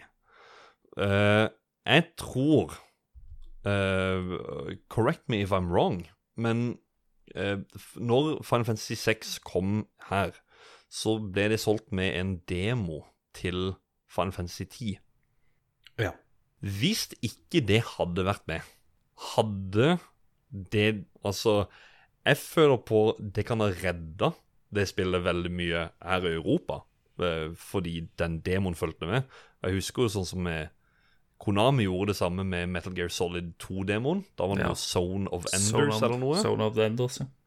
Ja, folk kjøpte det. Det var ikke i nærheten av det de liksom Altså, de ville ha demoen. Eh, Mm. kan Final Fantasy ha hatt Eller Final Fantasy 10 egentlig være mye av grunnen til at eh, at, at dette her er så populært som det er her. De, de fleste jeg har prata med, har uh, spilla Snes-versjonen først, på en eller annen måte. Ja, det var iallfall sånn for min egen del. Da jeg som sagt emulerte det først. Så da var Ja. det jo på en måte en no-brainer å kjøpe den når det kom, og så var jo på en måte demoen en bonus. Mm. Ja. ja, samme for min del. Så ja. ja. Nei, da, da tok jeg bare feil. Ja, men det er jo, det er jo greit ja, å nei, nei, det. nei, nei men det, det, det er faktisk bare noe som har fått meg til å tenke litt på akkurat det. det. At den demoen fulgte med, at jeg føler at det har kanskje hatt en betydning, men jeg, kanskje ikke allikevel lenger. Ja, men de, de har jo sikkert De har jo sikkert solgt fl flere spill på grunn av det, da. Jeg tenker om det var sånn strategisk valg, nesten. At Jo da. de de Jo det. da. Så. Det var vel eneste, eneste grunn til at Type Zero solgte noe her i eh, noen steder, var det at det var demo Mm. faktisk Final 15 var det det? Ja. Gjorde det Det er der. et og- spill. Og nå hører jeg at vi er på veis ende her, for at nå begynner det å Ja. snakke oss mye annet. Så eh, normalt, eh, som vi alltid gjør i spill, så skal gjestene få lov til å plugge de holder på med. Og eh, Christer, hvordan går det med Nerdcast? Har det blitt episode i år? Kommer det episode i år? Ja, Du vet, vi, vi diskuterer det. Eh, det er ganske mye liksom, tankearbeid som går inn i hver episode av Nerdcast. Så når hver gang en episode kommer ut, så liksom, skal det være spesielt. Og det er jo fordi at vi sitter jo eh, Vi har ukentlige møter eh, der vi liksom prøver å line opp den perfekte episoden. Eh, og så kommer det jo nye innspill og ideer hele tida som gjør at vi må bare liksom flytte den her opptaksdatoen litt og litt og litt hele tida. Men eh, vi, vi satser jo på at, eh, at det kommer en episode før årsslutt. Eh, så vi håper jo det. Så eh, sjekk den ut når den kommer. Den bør jo være episk. Ja, bra du hyper opp episoden. Vi venter i spenning og gleder oss. Så har vi jo han eh, Karsten her. Ja, jeg har ikke så mye å plugge for øyeblikket. Jeg har et uannonsert uh, spillmusikkpodkast på tur. Uh, eh, en eller annen gang i framtida, så sikkert blir eh, Ja. Men du driver på med en anime-podkast som jeg ikke nevnte i, i introduksjonen, og jeg er skuffa over meg sjøl at jeg ikke nevnte det. Ja da, eh, ja, litt uh, løs prat om, eh, om anime med en eh, venn av meg som heter The Casual Anime Podcast. Eh, Veldig uhøytidelige greier. Veldig casual. Det er Veldig casual. Ja. Men uh, det blir jo spillmusikk som blir framover, mest sannsynlig. Så Mm. ja. Ja, det blir spennende også å eh, høre med den episoden. Jeg ser fram til det. Og eh, Håkon, klarer Ja. vi der under fem minutter å plugge spill og det vi holder på med? Uh, jeg skal ta tida fra nå. Vil du ha sweet merch med spillogoen på, så kan du få det på kaffekopp, genser, you name it. Altså Alt det inne på Spreadshirt-butikken vår. Link er i episodebeskrivelsen. Du kan støtte oss i form av å eh, tipse oss til eh, venner og bekjente. Gi oss en rating inne på Apple Podcast eller på Spotify. Det hjelper veldig til å nå ut til nye lyttere. Så er dere veldig velkomne, eller hjertelig velkomne til å delta eller bli med i eh, vår Discord-community og Facebook-community. Link til det finner dere i episodebeskrivelsen. Samme gjør dere med Facebook-sida. Sjekk ut våre samarbeidspartnere i Lollebua Inc. Der er det ja, Lollebua, det er Ragequit og Likos univers med gjedda. Vi er alle under hver vår RSS-feed, som det så pent heter, så må søke oss opp, da. Eh, Så må vi også rekke ut en stor takk til Joakim Froholt, som lager en artikkel eh, inne på spillhistorie.no til hver episode vi lager. Det er helt nydelig. Og helt til slutt, hvis dere ønsker å støtte oss med litt eh, kronasjer i måneden, så kan dere gjøre det via patrion.com slash lolbua. Da har vi en egen tier som heter Nachspiel, hvor vi snakker litt fritt rundt gaming, og Eller, ja, det er, det er basically et nachspiel. Eh, litt ordspill der. Eller så kan dere bli, bli med som en festdeltaker og joine Roffelbua, som er alle podkastene i Lollebua Inc. som samles for eh, noe tull og tøys. eh, som at Adrian må snakke svensk i en hel episode, f.eks. er kjempegøy. Ja, kjempejævlig. Ja, og jeg tror det var på under to minutter. Krysser fingrene. Ja, det sikkert fem minutter. Og eh, så vil jeg igjen si tusen takk for at du kunne være med, Christer. Og eh, Bare hyggelig. det kan hende at det ikke vil være altfor mange episoder neste gang du er med. Vi får Nei, se. jeg håper jo å dukke opp uh, igjen. Ja. Uh, jeg begynner å bli litt sånn eh, fast, uh, fast innringer og gjest eh, her, så det er alltid hyggelig å, hyggelig å bli med. Ja, så Det er å artig å få med den første gjesten i, i spillhistorien også. eh, I ny og ne. Og, og tusen takk til deg, Karsten. Du som trodde det var et år siden, men faktisk er to år siden du var med sist, så Ja da, det Hyggelig å ha deg tilbake. ja. Nei, det var vel kanskje det at vi gjorde såpass, såpass mange episoder på rappen med Castlevania at jeg ble helt forvirra. Eh, Ja. Men det er utrolig hyggelig å være og eh, snakke i lag med dere og både eh, begge to og han Christer og Ja, Mm. kjempehyggelig. Kjempekos å ha deg med. Og, ja, og det er artig å ha deg med, du som er veldig glad i alt som har med Japan å gjøre. Og til slutt, eh, som vanlig, Håkon, alltid hyggelig å ha deg med. Ja, i like så er det veldig koselig å prate med deg òg. Vi gjør det daglig. så ja. Og så vil jeg bare si til eh, dere lyttere Tusen takk for at dere hørte på episoden, og kudos til dere som hørte igjen alt. Og for dere som ikke har spilt eh, Final Fantasy 6, så håper det her ga mersmak, og at dere tester det ut. Og så gjerne skriv inne på Spill Community eller på discorden eh, hva deres opplevelse var med det spillet her. Det er litt artig å høre hvis dere tester ut noe spill i, etter dere har hørt på episoden. Gjerne skriv det inne på community eller på discorden. Og veldig gjerne, veldig gjerne nevn hvis ikke dere Hvis det er noe vi ikke har prata om som du elsker med dette spillet her, kjør på, gå inn i episodekommentarkanalen på Discord og fortell What's your favorite thing Yes. about Final Fantasy 6? Og on that bombshell så gjenstår det bare for meg å si ha det! Morning. Ha det bra. Ha det.